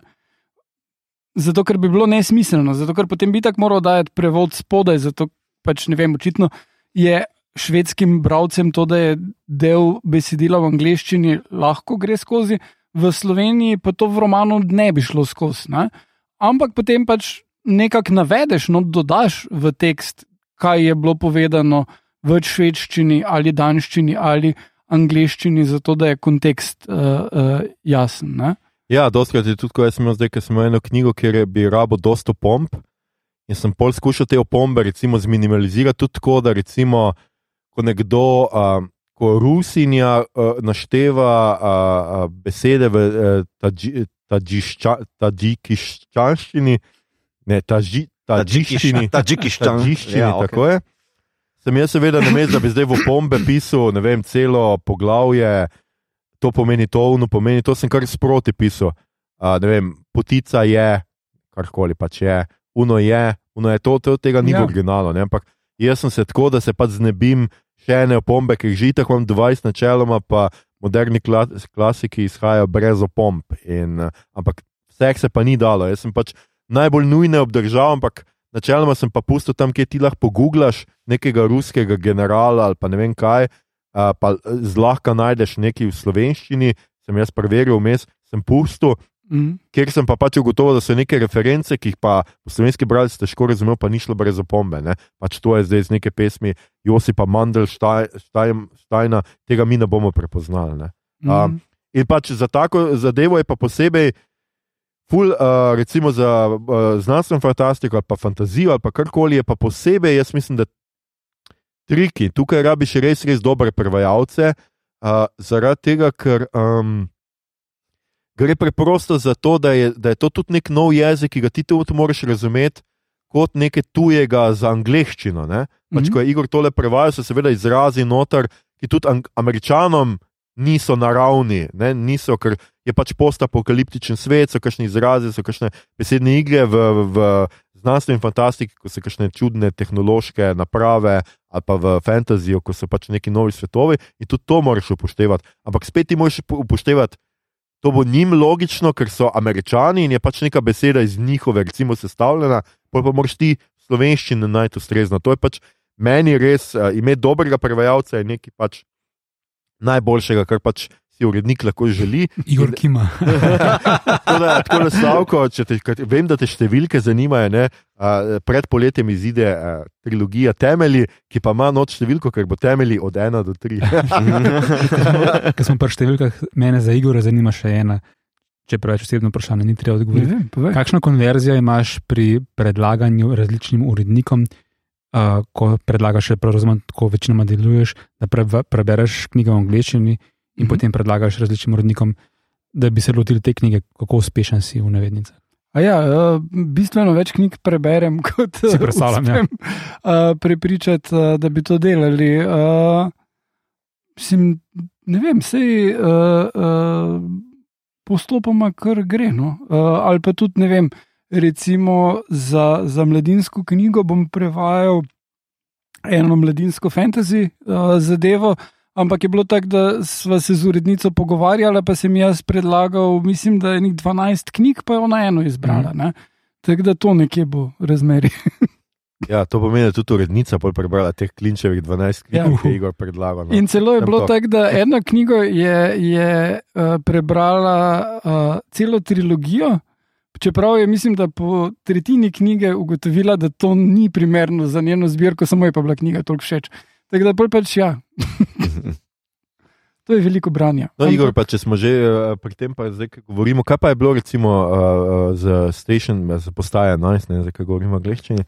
Kaj ti je bilo pa tukaj recimo najtežjega, oziroma kaj se ti je zdelo največji prevajalski oreh? Um, prehodi skozi čas. Um, kar mi je bilo tudi ena najlepših stvari v knjigi, je seveda tudi ena najtežjih. In to je, da ona vzpostavi en občutek, ki ga ti dobiš skozi besede, in potem ta občutek pelje skozi čas, kako ne vem, fotografija. In kako so ljudje na tej fotografiji, kako izgledajo, in potem kdaj je ta fotografija nastala, in kako so se ti ljudje res počutili, in kaj je ozadje tega srečanja. Ne? To je tam dosti na začetku. In en tak krasen primer. In to obdržati uh, v knjigi, vsa ta uh, čustva, da se tudi v drugem jeziku prenesejo, je treba skrbno izbirati bilo besede in uh, vrstni red in slovnico, uh, da dobiš isti tempo, da dobiš iste. Uh, metafore in tako dalje. Uh, te stvari je bilo zelo težko. Ne? Tudi, ko sem imel intervju z njo, sem jo vprašal, kako to gre, in ona je rekla, da to pač njej, da pili in pili in pili, ampak da to dost naravno uh, prišla do teh prehodov. In mislim, da ti prehodi so tudi nekaj, kar je dosti edinstveno, mi pri njej, pri drugih avtorjih nisem tolikokrat naletel na to, da bi imeli tako velike preskoke ali v prostoru, ali v času, ali v čem takem, na tako kratkem, v tako kratkem prostoru in to tako učinkovito izvedli. No. Mm. Zdaj, ko meniš prevode, eh, nekako v glavi imam sliko, se mogoče napačna, da prevajalci imajo lahko stik s s originalnim avtorjem, da jim pojasni kakšne nejasnosti, ki pač lahko pač v drugem jeziku čisto drugače, a pa njegova vizija čisto drugačna. Mm. Si imel ti lahko kaj z njo stika pred tem intervjujem, da si lahko kaj vprašal, ali si čisto svoje delo? Uh, delal sem pa svoje, čeprav po mojem bi lahko, ampak ni- nisem mislil, da je to. Uh, drugi avtori, ki sem jih prevajal, so pa po večini uh, uh, mrtvi, tako da to bolj, z, nisem šel med seans za Herberta ali Asimova. Je pa bilo uvert, ker sem prevedel strip King uh, in sem potem spoznal protagonista, ki je pač uh, Mm. po živem človeku, po njegovih dogodkih narejeno. no. In uh, uh, je rekel, ne, ni bilo tako. uh, tudi glede na glasa, ki sem ga izbral, in, in besed, rekel, ne, ne, ne bi tega tako naredil. Prav.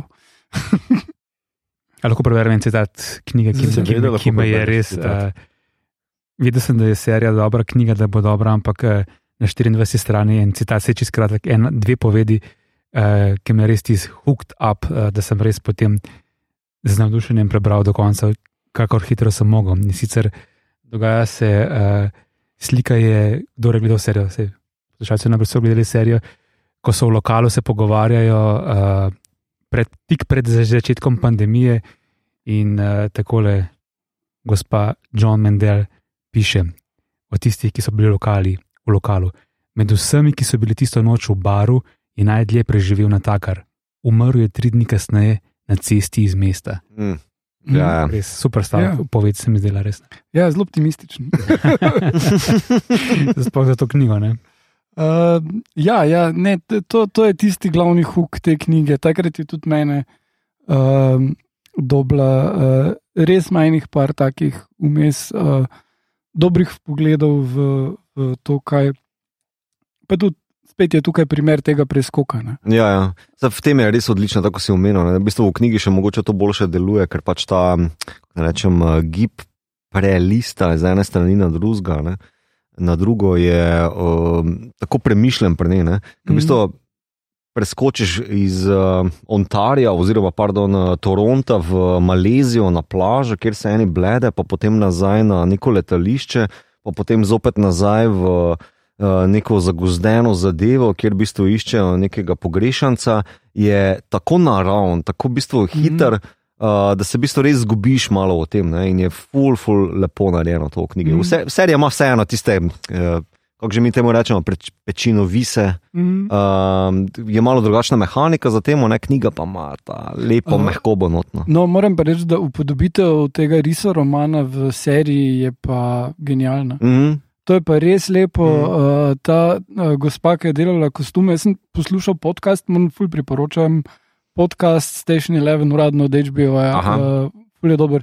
In tudi je za to, ki je kostume delala uh, zraven, kak je ona to. Ker dejansko je ona med pandemijo morala priti do kostumov in jih narediti, ker ni bilo materijala, ker ni bilo nič ne, mm -hmm. na voljo. In... Čaka, ona je delala kostume in uh, risroman, hoče zdaj reči. Ne, one uh, kostume delajo. Aha.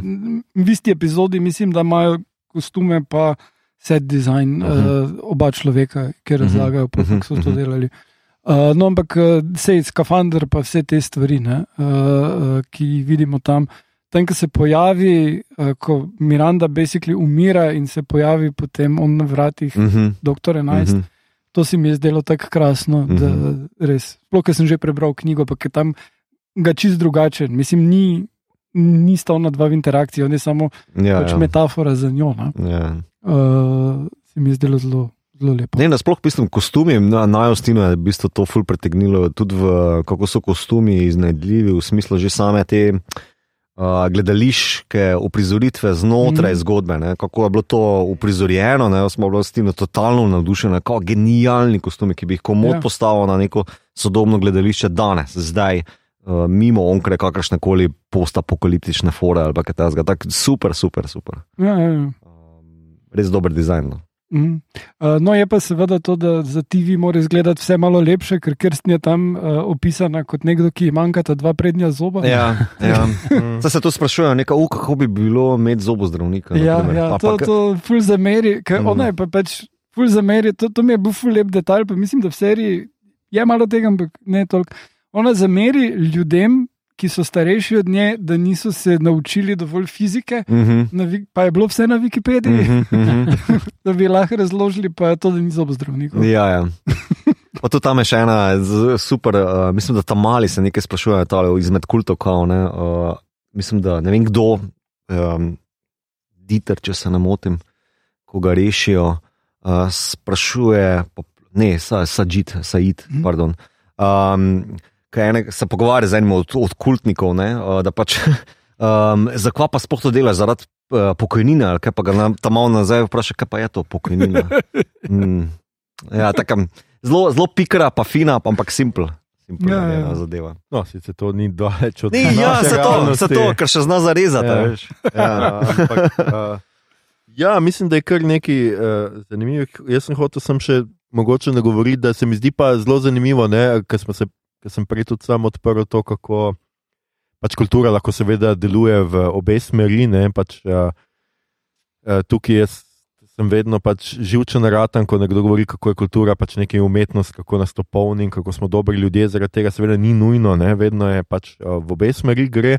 Ampak se mi zdi pa zelo pomenljivo, da, da imamo na drugi strani, da tisto, kar gradi neko skupnost in to, da je to Shakespeare. Uh -huh. A, da je to vendarle a, Shakespeare, zato ker seveda v Shakespeareu. Um, Čeprav so to zgodbe v resnici o maščevanju, kot smo letos v Severnjaku videli, znajo to biti zelo akcijske zgodbe, eh, originalni eh, predloge Shakespeareve, ampak tisto, kar pa pač je, je vedno ta človeškost.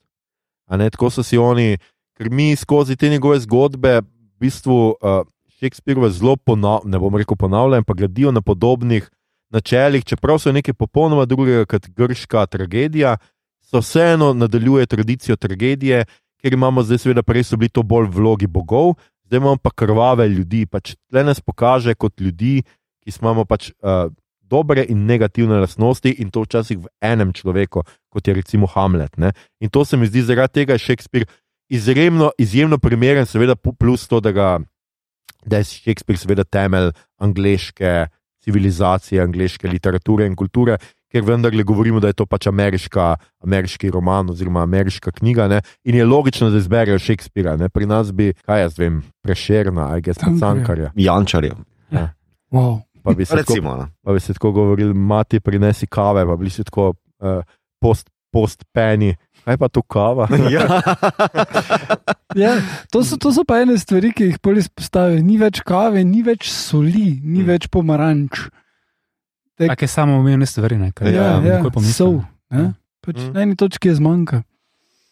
Uh, meni je ena uh, uh, stvar z številkami bila zanimiva, ki mi je šele včeraj se utrnila. O, Igor. Enajsta postaja križevega pota Aha, je križanje. Ne? ja. Nikoli nisem pomislil, ko sem bral knjigo dostkrat in, in gledal serijo na to. A se vam zdi, da je to relevantno? mm, jaz pa nisem izlato. Kaj to povedano? No, ni mi padlo, ni mi Ja, padlo. Meni do včeraj ni padlo, ko sem googlal. Če googlaš Mhm, postaje mhm. 11, na tretji Mhm. strani že prideš do Mm. križevi, do 11. postaje. Ne? Ne, Ja, 11. je jez, pribijajo na križ. Ja. ja, Ja, od 14. Wow. Ja. okay. Ljoša, ti si to izstrelil iz glave. ja, to je ta katoliška krivda. veš. To je- letih mi to To je zdaj bolj katoliška vzgoja. No, A, ampak, okay, dobro. ampak ja, seveda, 11. postaje Kristus se Pribijajo pribijajo na na križ. križ, 12. je Kristus umre na križu. Um, ja, ne vem. Zanimivo, zanimivo sem prej, pre, zdaj vidim, da imamo notu scenarij, ampak nekako. Ne, tudi jaz moram reči, da, da mi to ni nekako kapljeno. Čeprav, ja, pač to je spet ena taka podoba, pač tipična za zahodno civilizacijo, oziroma za Mhm. postkrščansko civiliz- civilizacijo, tako bomo rekli. In seveda pomeni, da um, neko žrtev za človeštvo, ali pa seveda tudi podobo človeka, ki, ga, ki so ga izdali njegovi najbližji, da ga potem uh, krivdno. Ne vem, no, mogoče je kakšna povezava. Mogoče, ne, ne bi kao, veš, ale, ker doktor 11 v tem risu romanu je v bistvu tisti, ki uh, vse to malo človeštvo, ne, ki se v bistvu bori z prebivalci podmorja, uh, ima neko na pol. Ne preroško, ne, se ja, prerok je še v knjigi, a ne, uh, ampak tudi v risu romanu je v bistvu doktor 11 nekdo, ki skuša človeštvo popeljati naprej, ne, ima neko Ja. ja. vizijo, ne, torej ima ta moment celo, medtem ko prebivalci podmorja želijo iti nazaj v svet, v katerem so se rodili. ne. Um, ta, en, ta bil meni en hud stavek, hočemo živeti v svetu, v katerega smo se rodili. ne. Ja. Ta je mene kupo, ne. Ja. najbolj Um, kar se pa tiče Shakespearea, da se vrnem na Aljoševo istočnico. Uh, mislim, mogoče pač ne vem, zdaj, je primerno za post-apokaliptično, kaj bi bila pa primerna umetnost, ne? če že greš po tem o primernosti umetnosti ali pa primernosti nekega medija. Gledališče kot prvo, to sem mislim, da že prej omenil, je kao tisto najbolj živo, ki, ki te -hmm. lahko popelje, te lahko uživi, mislim, ima lepo vstopko, to noter, ne? hitro lahko, si lahko podata roko za gledalstvo ne? ali pa občinstvom. Uh, tudi knjiga to dobro omeni, ne? enega, zdaj samo hitra, hitra tangenta. Ne? Uh, knjiga izpostavi enega tega um, okultista, okultni, uh, pri, pristaša kulta, uh, ki se na predstavi Lira, če se ne motim, joče. Uh, mhm. Polje pa ravno tisti, ki drži puško, ki ste na glavi, ne, ali samo strel. Mhm. Um, tako da imaš ti neki dve skrajnosti, ne, kako si lahko enkrat upeljan v neko domišljijo, pa izkušnjo, hkrati pa popolnoma vržen ven iz neke človečnosti ali pa popolnoma obstranska zadeva.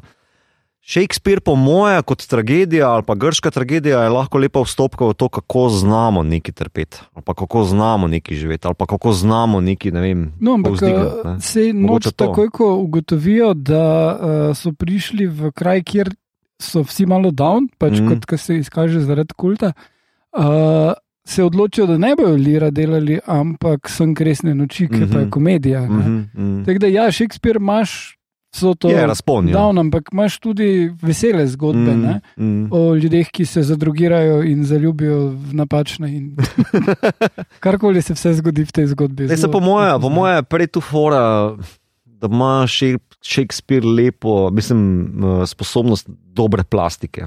Likov, ne, da bistvo je to tisto, kar je dostopno mm. uh, tudi nepoznavalcu Shakespearea. Ja, ne. plus pomembno je, kar tudi izpostavi v knjigi, uh, uh, da je nastajalo v pandemiji. Uh -huh. uh, Shakespeare, ko je živel, je bilo več uh, epidemij kuge, uh -huh. ki je tudi, mislim, da njegov sin umrl uh -huh. v kugi.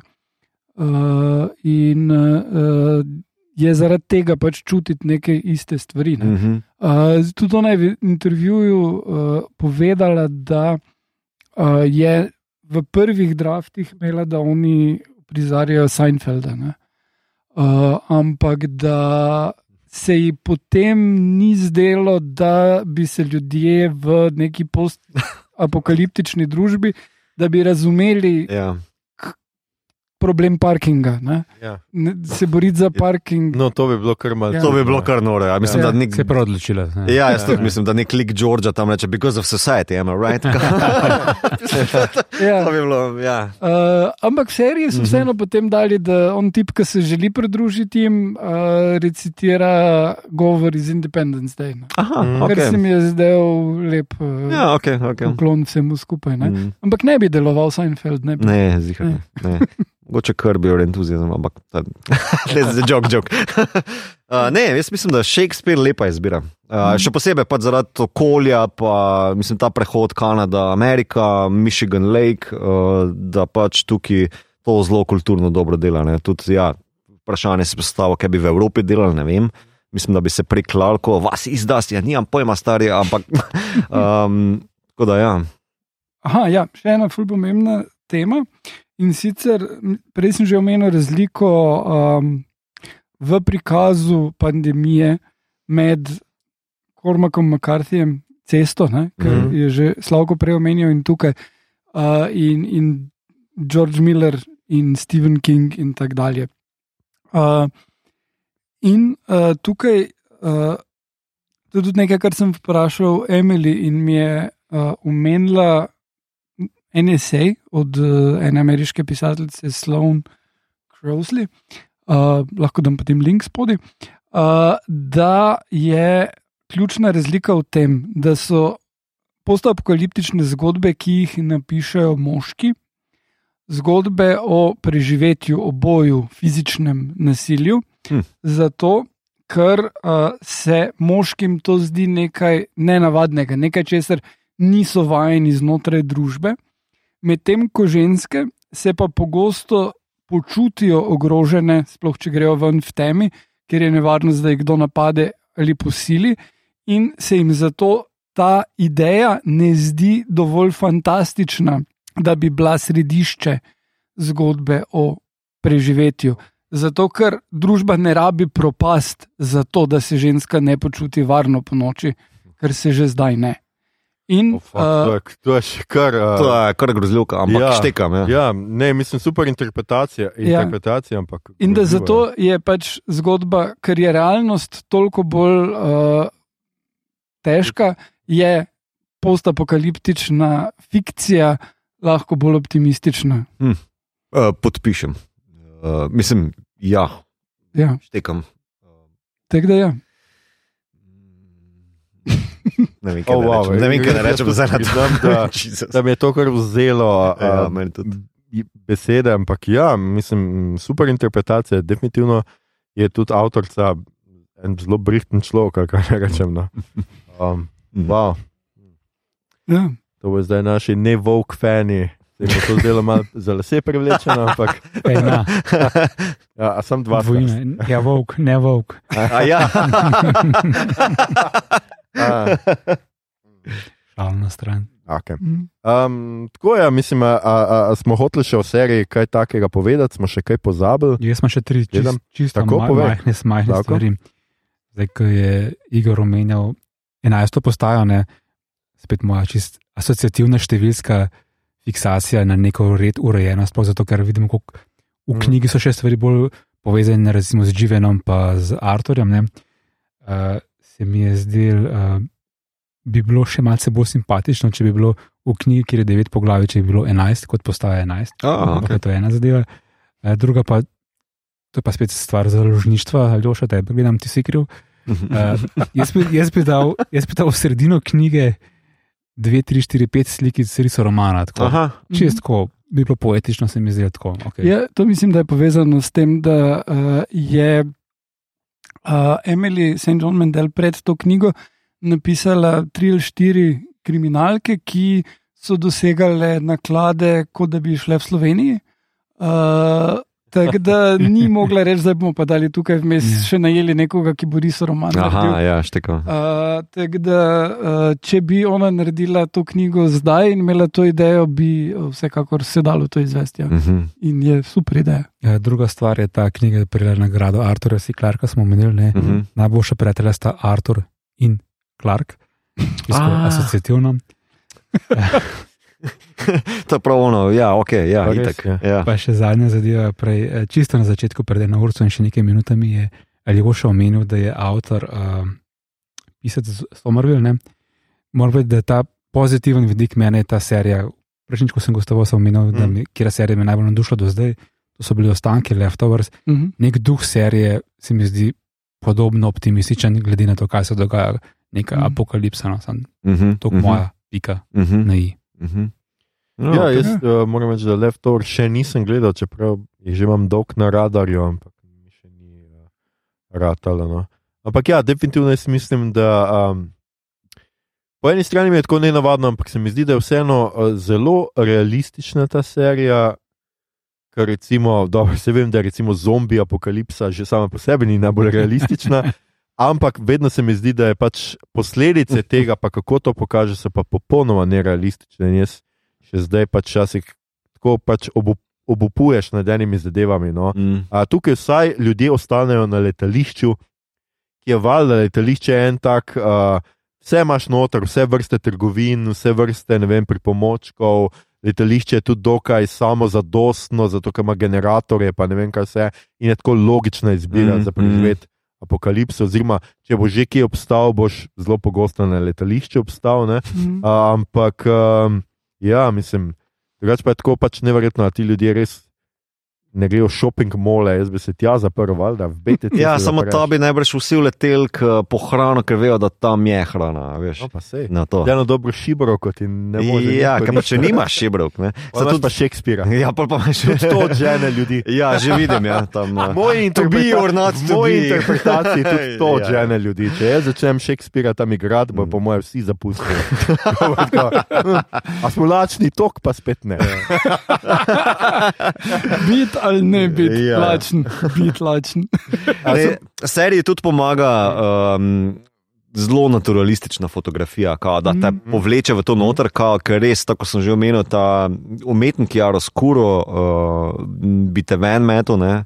je, temu optimizmu, temu človečnosti, nekako, pa ta naturalizem, res te pastelni pristop do tega, ful po ful, ful pomaga. Res dobro. No, plus ti prehodi, ki uh Mhm. -huh. pokaže, kako izgleda stvar, uh, tisto gledališče in potem Uh -huh. kako izgleda po propadu. Te prehodi so uh Mhm, -huh, mhm. uh -huh. res, res lepo uh Mhm. -huh. narejeni. Fajn je narejeno. Ja, ja. Jaz tudi moram priznati, da, da sem mislim, presenečen.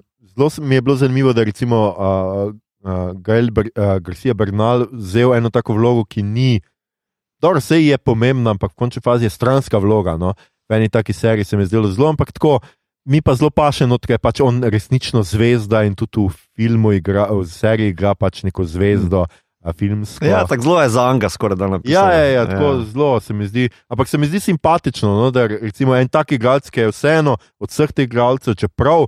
Uh, kot smo v začetku našli, niso slabi igralci, mm Mhm. -hmm. to so vseeno zelo igralci, ki so že marsikdaj pokazali. Ampak uh, le noto moram reči, pa tudi igralska zasedba je neverjetna in res si dober igra, tudi mulci, Uh -huh. uh, pa pač odra, potem njihove odrasle verzije, bolj Mhm. dobro igrajo. Uh -huh. Uh -huh. Ja, ja. Um, ja, če še lahko povem pač, uh, o Emily. Uh, njene knjige po Station Eleven so povezane, ampak zelo tako bežno, ki tak nekdo, ki je fan, bo rekel, uf, kul. Cool, uh, in uh, če lahko povem, na hitro naredila še dva romana, Glass Hotel.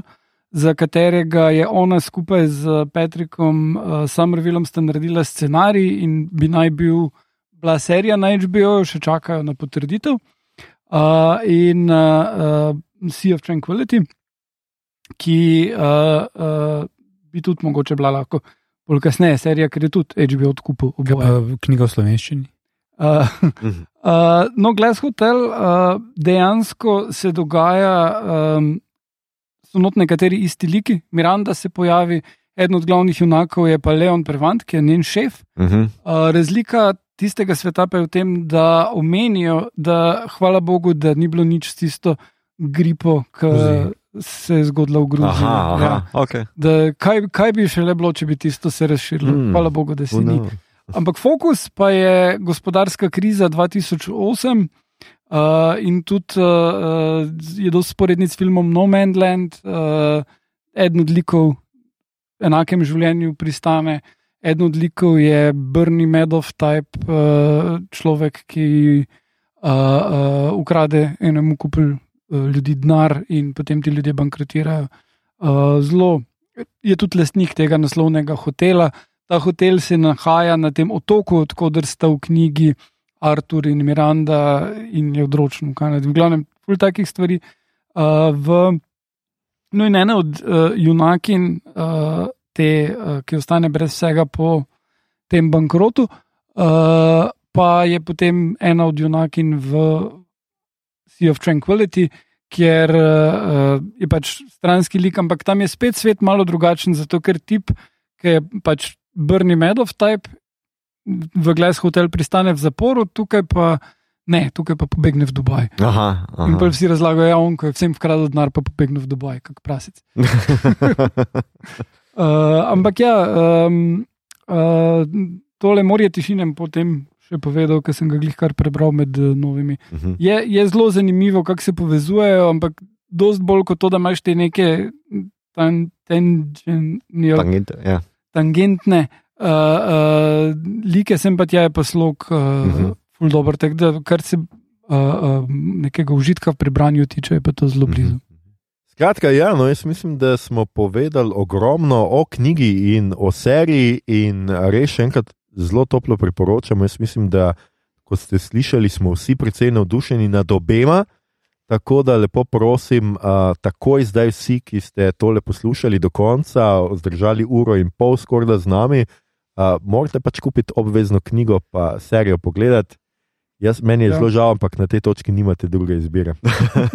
um, Uh, skratka, uh, to je bilo to za, uh, za ta denar, in zdaj je mi to pripravil nekaj, mislim, da Shakespearea v Star Treku, kar je na vrsti Star Trek kotiček, vaš najljubši eh, kotiček. Ja, eh, zdaj, o samem Shakespearu v Star Treku bi po mojem, lahko bila ekstra epizoda zgolj o tem, ampak. O um, čem pa pri Startiku ne bi mogla biti ekstra epizoda? No, ja, se strinjam, se strinjam. Uh, ne, zato sem zdaj prepopal uh, v zapiske. Uh, prav Wikipedija je o tem, koliko Shakespearea se pojavlja v uh, samem uh, Star Treku. Uh, na hitro bi samo preletel, da bi to in uh, Shatner, in recimo, ki je bil vajenec uh, Christopher Plummerja, sta oba dva Shakespeareanska. Um, Igralca, ki ste se učila, izučila na njemu, uh, da ne omenim, seveda, uh, Patrick Stewarta. Ne? Uh, to je samo ena izmed malih stvari, ki se v bistvu pojavljajo, noter pa imaš naslove, ki se pojavljajo, citati, ki se pojavljajo, najbolj mogoče v TNG-ju, uh, kjer imaš celo uprizarjanje uh, scen uh, in iger iz Shakespearea. Uh, mogoče še najbolj tu epizoda The Defector, kjer imamo na, zač na začetku, mislim, da uh, Richarda III. ali uh, eno izmed teh, no, ne bom zdaj natančen tukaj. Uh, skratka, kjer Data skuša svojo človečnost uh, uprizarjati uh, preko Shakespearea, to je ena izmed tistih bolj močnih, zdaj tu je malo more citatov noter. Uh, je pa res, da se potem malo uh, po Deep Space Nine umanka teh Shakespeareovskih. Uh, Ne, Voyager je še tudi kar nekaj. Imaš ene, ja, naslove imaš, ampak ni pa Mhm. več teh uprizarjanj, nimaš več Ja. teh citatnosti ali tako naprej. Um, to je, v bistvu, tega je res malo more, tako da ne bom zdaj tukaj za- zabasal čist na koncu epizode z to temo. Uh, tako da imate Wikipedijo tukaj noter. Uh, je pa tudi v, v Wikipediji nekaj, kar smo mi danes uh, bežno omenili, ne, je tudi eno hitro vprašanje, zakaj pa takšna, takšen poudarek na Shakespeareu. V Star Treku, ne? ker naprimer cel film uh, Star Trek 6, uh, The Undiscovered Country, kjer je direktni citat iz Hamleta, pol imaš pa Klingonce, ki se ukvarjajo s Hamletom, pa citirajo Hamleta, še celo jebejo folk nazaj, oziroma terane nazaj. Uh, nisi doživel Hamleta, dokler ga ne prebereš v originalni klingonščini. Um, tako da ja. Uh, Ta fora, ne, v bistvu je vprašanje v Wikipediji tudi zastavljeno, ali je mogoče Star Trek malo žrtev anglo- centrične prihodnosti, kjer je v bistvu Shakespeare tako pomemben, zakaj ni naprimer, nekaj drugega bolj pomembno, tako smo mi danes v tej epizodi ne, izpostavili. Tako da, ja, Shakespeare je big thing, noter, ne, da, da ne omenim vseh teh igralcev. Tudi Avery Brooks je Shakespeareanski igralec, uh, uh, Sherman, ki igra Kvorka, po, poučuje o Shakespeareu in da in tako dalje. In, In tako uh, dalje. tudi ne na zadnje na, na uh, pač Discovery in te je očitno zelo vplival Lurmanov, uh, Roma in Juliet, vsi ti hitri rezi, bliskani. Ja, mogoče je ja, celo to. Ja. Ne, v Discoveryju imaš en redek eh, v teh sodobnih inačic uh, uh, citat, kjer mislim, da spok nehote v sred vse te velike akcije prebije uh, nek citat, pol pa se Michael Burnham obrne proti njemu in reče: Oh, yeah, that's my man, Hamlet. Um, To je toliko o tem ta novem ja. Shakespeareu. Edino epizodo, ki bi jo pa mogoče izpostavil tukaj, pa je, um, kjer uh, mislim, da bo Times Arrow Part 2, to je uh, prvi del šeste sezone TNG-ja, uh, kjer, ki se dogaja v preteklosti v San Franciscu, kjer mora Picard in družščina preživeti v nekem sublet stanovanju in se predstavljajo uh, te uh, landlordki, no, pardon. Uh, Stanodajalki. Hvala. Tako. Hvala. Um, kot uh, gledališka skupina, ki skušajo prizoriti scen, um, no, Resne noči. resne noči. Ja. In jo povabijo noter, kao, da pač skuša z njimi zaigrati, seveda pa vse to neki manever, da pač ne bi plačali najemnine. Ja. Zelo igralcem podobno. Ja, ja. To se tudi v Ljubljani skozi dogaja, tako da ljudje ne se čudite, če vaši nad vami a, o, z, z, boste zvečer slišali kakšne prizore iz Shakespearea. Ej, Ljudje morajo plačati najemnino. Ja, toliko, toliko. Ja. Ja. Uh, hvala, Mito.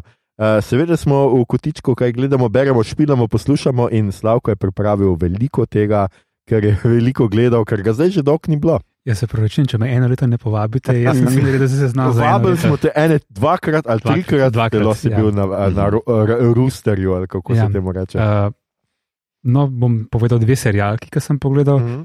Smo pogledali v družino s otrokoma, smo pogledali vseh 30 Marvelovih filmov. To je v razmerju, v razmerju, v času pol leta smo pogledali. Uh, Okay. Marsikateri Kar, uh, marsikateri film je bil tukaj že obdelan. Aha. Uh, ko drugič, pa tretjič pogledaš kakšen film, se ti potem zdi, mislim, da se ti Ljoša omenil v zadnji epizodi, da se mal pada trend kakovosti mm -hmm. ja, in to je tudi opazno. Sploh če pogledaš potem še iz perspektive drugega ali pa tretjega ogleda. Ne. Ampak ja, otroka sta navdušena, sploh sin z Lego kockami sestavlja različne uh, junake, tako da ja, ok. Uh -huh. okay. Uh -huh. Uh, hčerka, ki je malo starejša, je zdaj pridna bravka, prebrala je vseh osem Harry Potterjev in je zahtevala, uh, da najprej prebere prvo knjigo, in šele potem se lahko lotimo skupnega ogleda filma. Tako da je bila prva Aha. knjiga, prvi film, druga knjiga, drugi film, Aha, naprej. Tako da je. okay. Lepo. In bilo še to ti bo morda všeč, da je bila kar malce jezna oziroma razočarana nad ekranizacijo. V knjigi je bilo to drugače. A, no, super. Zelo navadi se, da je- je- to je je kar pogosto v teh pre, pre, uh, prenosih.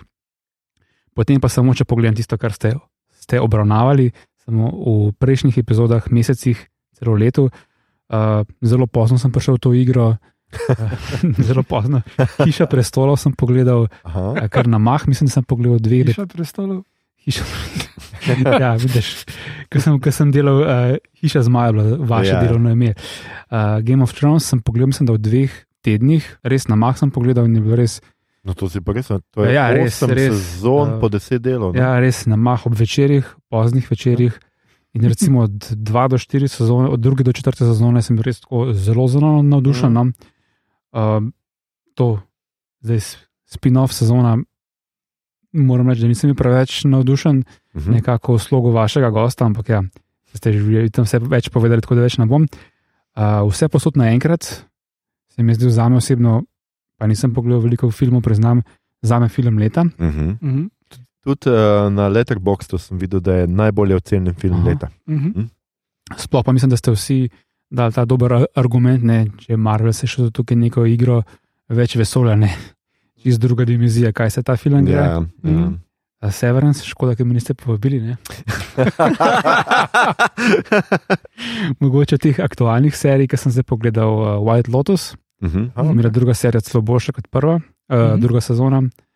Pa zdaj pa edino, kar pa zdaj hkrati trenutno gledam, no, še nisem dokončal, je pa to Tokio podzemlje. Uh, uh, si gledal, Ne? Nisem gledal. Uh, Okay, To je tole na HBO. Na HBO, ja, Aha. uh, zelo, zelo Kaj je druga sezona že ali ne? ne, mislim, da ne. Zapovedana je bila. To pa ne. Okay. E, kaj pa je to, kriminalka? kriminalka postavljena je na prelom tisočletja. Uh, sem se malce našel v tem, ker je pač ameriški študent, ki pride živeti v, na Japonsko in je novinar. Mhm. In potem tak zabaven prizor iz 5-6 minute prve epizode uh, imajo audicijo v nekem prestižnem japonskem časniku. Res pride tam 150 do 200 ljudi, pride reševati audicijo, ki traja več ur. Ne. Sem se našel v tem, ker dejansko v istem času sem bil na audiciji na Teletekstu RTV Slovenije, kjer nas je bilo 150 v, um, na testu. No. Uh, Ja. okay. Wow. Okay. Ampak to je edina povezava. ja, ni, ni, ni potem kriminalnega podzemlja, ne RTV-ja. ne, ne, ne. Preskok na rubriko Beremo. Okay. Letos se v številkah ukvarjam s knjigami, um, sicer ni nič še žanrskega, ampak ja, berem pa kar veliko, moram priznati, da sem vesel, da sem se tako discipliniral, slash uredil življenje v tem letu, da fino knjige so res zakon. In, uh, če smo že pri postaji 11, uh, lahko povem, da se trudim tudi to avtorico dobiti za eno izmed prihodnih epizod. Boste slišali, če mi je uspelo ali ne. Okej. Uh, špilam nič ne, poslušam predvsem podcast Bot. Oh, O, ne, edino, edino, edino, kar šteje. pa- No, ampak zmeraj sem se pa želel, če bi bil še kdaj gost v tej oddaji, da bi to rubriko preimenoval v kaj gledamo, beremo, špilimo, poslušamo in pišemo. Ah, A, ah, ok, ok. okay. joj, Ti pa glej, mir tako imel.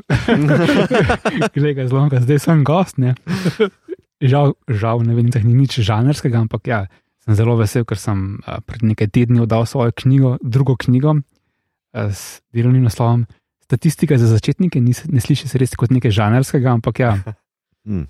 sem vesel, da je blizu izdaje. Mislim, da bo čez nekaj mesecev knjiga ugledala luč sveta in um, moram povedati, da res sem zelo vesel. No, evo, tako. No, super. Super, uh, hvala Slavko. Um, ja, to je tak znanstveni žanr, bomo temu rekli. Poljudno, poljudno bi rekel. Ja, ampak tako. okay, okay. Um, super, uh, wow, res je veliko tega. Naslednjič te bom prej povabil, obljubim. Mm. Pa bo krajši seznam. Ja, kdo, kdo vse Marvelove filme pogledal, me spolje. Čeprav sem jaz zadnje ceste tudi tuhto, da bi jih začel od, od začetka, ampak imam še ene druge grehe, tako da mogoče ne pritisnem. Fast and Igor- Furious. Ja, recimo Fast and Furious. Igor, ti si na vrsti. Uh, gledal sem The Peripheral, ki sem že omenjal prejšnjič na obodekih, zakaj se gre. Uh, Tako da sem povedal, da sem zdaj do konca pogledal in zaključek je, what the fuck. Um, Ne slabo na koncu izvedel. Aha. Tako kot je vizualno vse skupaj lepo, pol na koncu pa rečejo, sarma, pašteta, dejmo, zdaj se je pa to zgodilo. Ker, ker malo. Malo pa šteta. Ne, res, približno toliko smisla ima, okay. kot da bi rekli, sarma pašteta. Uh, ful dober je koncept, na koncu pa mislim, da jim enostavno zmanjka v zadnji epizodi, da bi gledalcu razložili, kaj so zdaj tu točno tehnično oziroma tehnološko izvedli. Mhm. In pol se kar ene stvari zgodijo, da lahko zaključijo. Upam, da bo dalje, pa da bojo uh, najdel uh, smisel. No. Uh, pogledal sem krasno komedijo na Netflixu, White Noise. Mhm, ja, to še moram. Uh, moram reči, da kot uh, intelektualni snob, to je najbolj intelektualna snob, snobistična zadeva, ever. Uh, že knjiga velja kot neko tako hoh literatura, satira in tu pa pač ja, grejo na. na Tale komedi uh, aspekt in uh, meni je bilo res dobro, igra je krasna, Mhm. uh, štorija pa je o uh, profesorju, ki, uh, ki je uh, glavni za hitlerijanske študije v ZDA O, oziroma na svetu Okay. in ima krizo srednjih let. In uh, potem se pač stvari zgodijo. Uh, eno je uh, toxic airborne event, to pomeni, da pač je neka prometna nesreča, kjer en vlak z enimi kemikalijami zgori in potem se oblak širi. In, uh, je potem cela tako apokaliptična scena, ki probajo pobegniti. Uh, ampak tu so 80-te, tako da ko reče država, "U, zdaj pa je panika, vsi rečejo, aha, panika, je gremo. Uh, gremo biti v tem zastoju. In uh, tako dalje. Ne? In, in ful je vredno izvedeno. Uh, meni je bilo zelo všečno, uh, kljub temu, da sem tudi full fan knjige, pa da se ne drži enih stvari, pa da pokrajša, pa se mora. No. Uh, vem, da Simon Popek je bil zelo nezadovoljen, ker je videl ta film že v Kanu ali Aha. kje. In, uh, Moram reči, da se ne strinjam z njim. Meni je bilo to super, ful priporočam. Kako se ne more. Ja.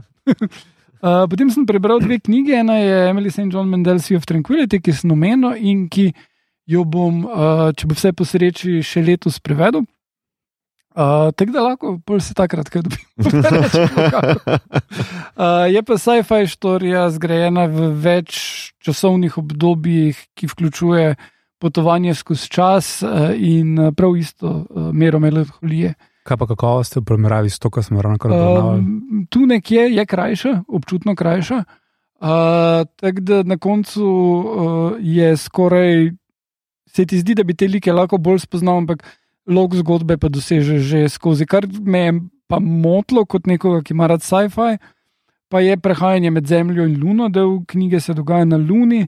In pač vprašanje gravitacije nekaj, je nekaj, kar se on odloči ignorirati. Aha. Uh, ampak ok, ne?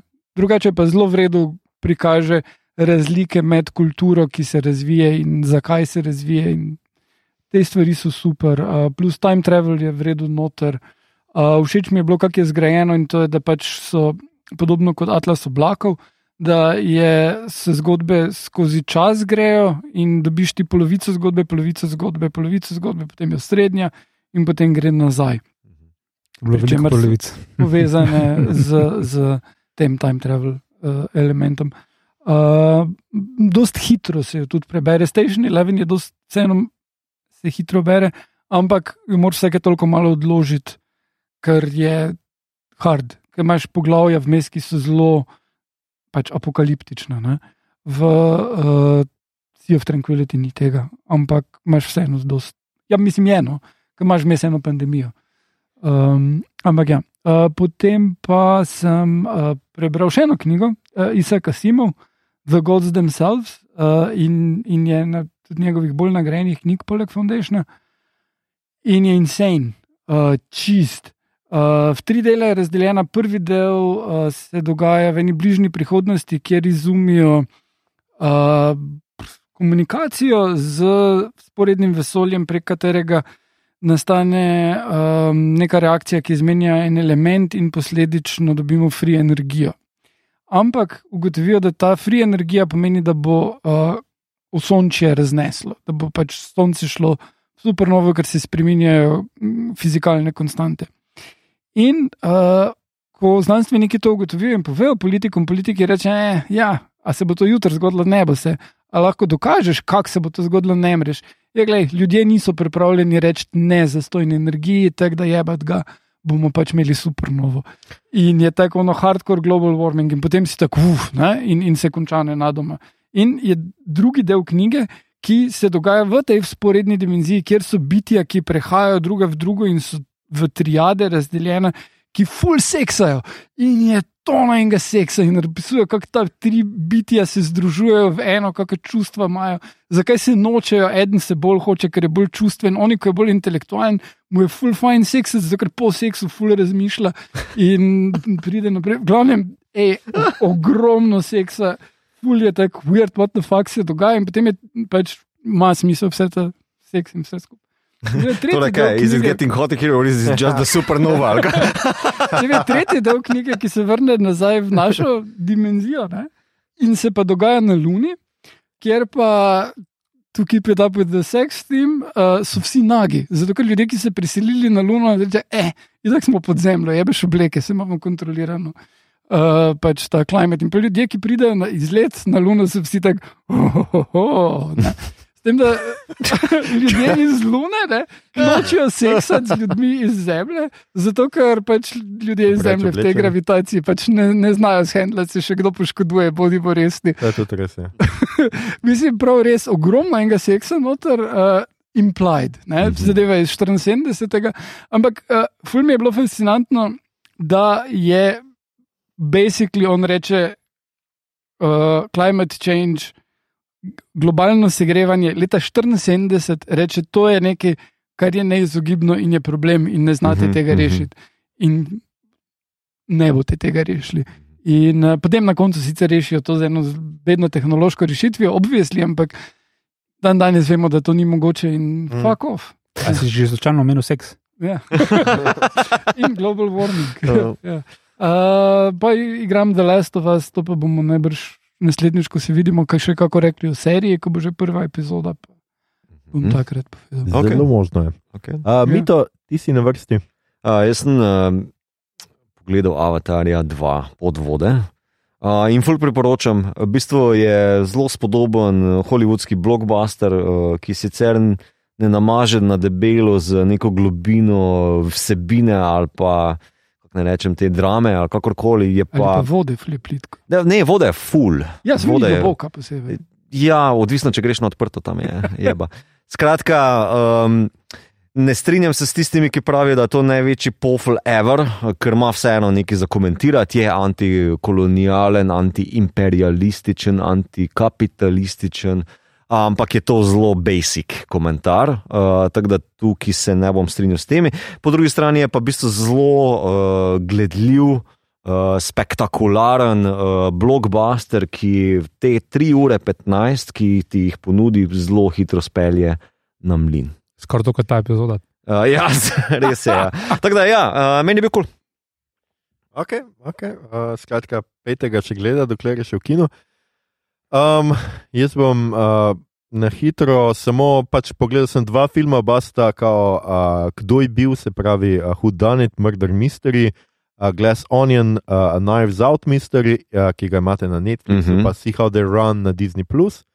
Um, za razliko od mnogih, ki pač jim je zelo všeč, Glass Onion meni ni bil. Wow, ne, jaz sem to Um, gledal, zakaj pa ti ni bil všeč?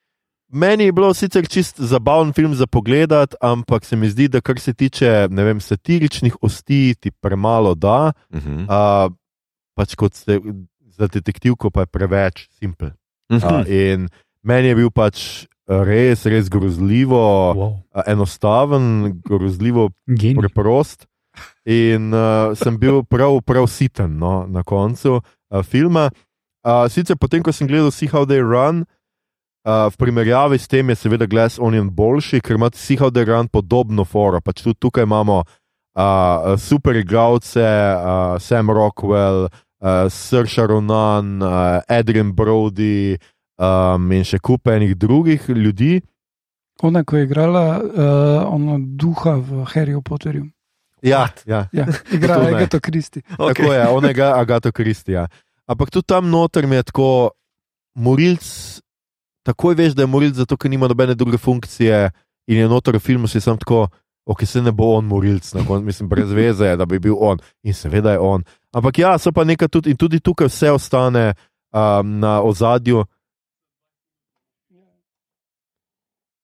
In tudi tukaj vse ostane na ozadju, um, pač nekih referenc, ki so zelo površinske in tako.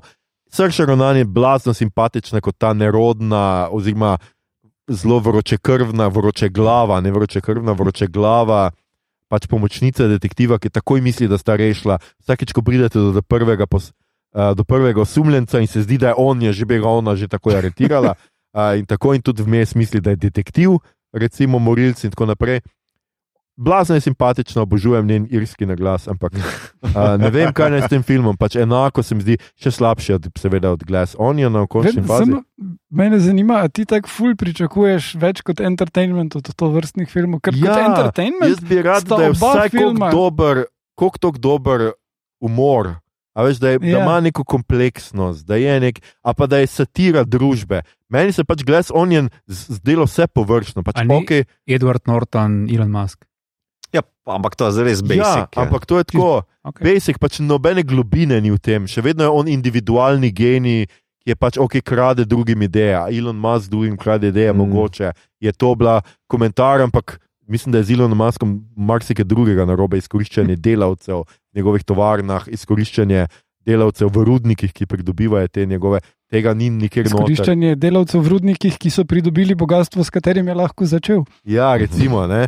Tudi, a veš, una je neka kaj, uh, uh, pač igralka, ne vem, tudi. Tudi vse skupaj je tako- umetno, pač nikjer nimaš feelinga, da so oni res neki frendi iz otroštva. Ni, meni, meni je bil še kar, no, se mi ni zdel tako tako dober uh, kot prvi, prvi je bil precej boljši. No. Moram Ja, ja. reči, da- Ne vem, meni sta se oba ta dva filma zdela super entertainment in mi jih mm. je Mhm. bilo fino pogledati zvečer. Uh, definitivno pa nisem bil tako prnajzal, ko sem bil wow, ne? ampak Mm. no, ok, prej gremo Ja. dalje. Ne, ne, se za pogled, sta se ne reče. Ja, pa ful v redu igra v obeh. Ne? Ja, to pa definitivno ful pomaga. V obeh filmih je igra genialna. Sploh, čeprav pri um, See How They Run, ki je bil tale Brody, ne? Mm. na začetku je bilo tako, da bomo Brodyja morali gledati, in pol ne, ni ga bilo treba gledati. Ja, ja. Malo ga moraš poslušati, ampak gledati Ja. ga pa ni treba kaj dosti. Ja. Ne, ne, to je bilo tudi meni, jaz moram priznati, kar všeč. Skratka, to dva sem pogledal, nisem bil skratka tako navdušen, mogoče jaz sem preveč kritičen. A in pa seveda, včeraj sem končal Star Trek Voyager, Aha, kar pomeni, da bomo enkrat v prihodnosti delali, kdaj še ne vemo čisto točno, ampak uh, pogledal sem ga in uh, ne vem. Ful se težko odločim uh, med tem, kam mi spada v Star Treku, ampak moram reči, da sem na koncu zelo zadovoljen. No? Uh Mhm. -huh. Jaz mislim, da je bila serija odlična. Um, mogoče imam manj dobrih epizod kot TNG ali pa um, Deep Space Nine, ampak kompletno je pa pač kvaliteta višja. Bom tako rekel, kompletno je solidno višja, liki so mi enako zanimivi kot posod drugot. Edino mogoče malo manj teh res, da bi jaz rekel zdaj, klasičnih epizod. Tega se mi Mhm, zdelo, da je v mhm. Deep Space Nine in TNG je več, posebej zato, ker se mi zdi, da recimo skozi Seven of Nine in skozi uh, doktorja Hologram Mhm. ponavlja neke stvari, mm -hmm. ki Mhm. smo jih že videli in pri Dejti, in pri, um, skratka, pri Spoku. Ja. Mhm. Tako da znotraj tega mi je bilo mogoče malo manj, ampak nekatere stvari pa so mi bile še vedno, pa se mi zdi, uh, full dobre in uh, še vedno sem nadušen nad Star Trekom in kome čakam, da začnem Enterprise, ki ga bom, po moje, zdaj v, v naslednjem tednu začel. In, Pa je uh, Enterprise, ki je na voljo? na ja, še vedno je na Netflixu vse. Aha, ok. Zdaj domnevam, da ima Netflix še kar nekaj, mislim, kakšno leto, dve, najbrž še ima, se nas bojo pozorili. Uh, ne, tudi Discovery ni nikjer zdaj, recimo. Ne? Ne. Uh, Ja. uh, Tako da je vprašanje, kako dolge pogodbe imajo. Na eni točki bojo pač skinili, No, pa na. bom poskušal pravočasno pogledati, vmes sem se, dost verjetno bo takoj pol na Sky Showtime. Ja, no, jaz tudi upam, no, ker Mm. načeloma bi me to kar vznemirilo, da zdaj tole izgubim. Bom, ampak po mojem bom jaz pogledal še na Netflixu. Skratka, um, ljudje in ljudje, ne boste verjeli. To je bila že naša 144. epizoda. Poslušali ste podcast, ki se oglaša na ime Bot, podcast za serije, filme, risanke, špile in knjigo vseh žanrov od F do Z, ki ga gosti mreža Apparatus. Z vami smo bili Slavko, Bog nas štrafa, Jerič, uh, Igor, uh, lani padel v Shakespearea Harp, Oh. uh, Mito, žametni občutek Gigič in Aljoša križev pod Harlamov. Sem vedel, da mi bo žal, da sem ti spremenil. To epizodo smo znova posneli v našem štabu v kinogledališču Bežigrad, kjer smo doma in kjer, imamo, kjer imajo, ne mi, ampak oni imajo dovolj dobre hrane, pijače, kokic in filmov, da lahko pridete kadarkoli na obisk, pridite, všeč vam bo. Če vam je bilo pa všeč to, kar ste danes slišali, delite, všečkajte naš podcast, naročite se nam preko vaše najljubše aplikacije oziroma ponudnika podkastov, dajte nam kakšno ceno na Apple Podcast ali Spotify, spremljate platformo aparatov z odličnim izborom podkastov za vsakega nekaj in uh, ker je vedno možnost, da se svet uh, konča že naslednji teden, naj bo pandemija ali asteroid ali atomska bomba ali invazija oboževalcev K-popa, ne pozabite spakirati najbolj nujnih potrebščin in to so štiri pari spodnjega perila, to ko perete vmes, antibiotiki, Mhm. švicarski nož, ja. spalka, Ok. konzerve fižola, generator, What? um, steklenica s filtrom za vodo, zna- zbrana dela, ter seveda dobre slušalke skupaj s tablico ali telefonom z vsemi epizodami podcasta Obot. Podcast Obot, globalna knjižnica žanra. Okay. Na Twitterju nas najdete kot adpodcast Obot, na Facebooku, Instagramu in Tinderju. Kdo je napisal Tinder, to mi je zdaj slavko nekaj mes. In Tinderju, kratka kot podcast, skejem obot brez pikice mes. To, hvala, Slavko. Sicer pa najdete vse pomembne povezave tudi v drevesu povezav oziroma na Linktree. Tinder je ok, boljše to grinder, I guess. Ja. Čeprav, nothing wrong with that. Ja, no, no, no, Mito. ki ga najdete na dnu objave, to bomo ven zresali. Ja, tako. Vabimo vas tudi na naš Discord server, kjer lahko klepetamo o vsem tekočih epizodah, o tem, kaj žanrskega konzumiramo ali bomo konzumirali v sprotnih kratkih recenzijah in še marsičem. Na družabna mreža še vedno, oziroma znova delimo a, rajce, prekolce, novice sveta žanra in druge zanimivosti, in tja lahko smerite pa vsa vprašanja, pripombe, komentarje, avtorske stripe in risoromane, predloge, kaj bi za vas pogledali naslednjič. Tole je bila že 144 epizoda. Dragi oboževalci in oboževalke, naslednja epizoda je torej na vrsti 24. januarja in v njej bomo govorili že o čem, vam sporočimo predhodno ali pa tudi ne, kakorkoli že, se slišimo takrat. Hvala vam za vašo pozornost.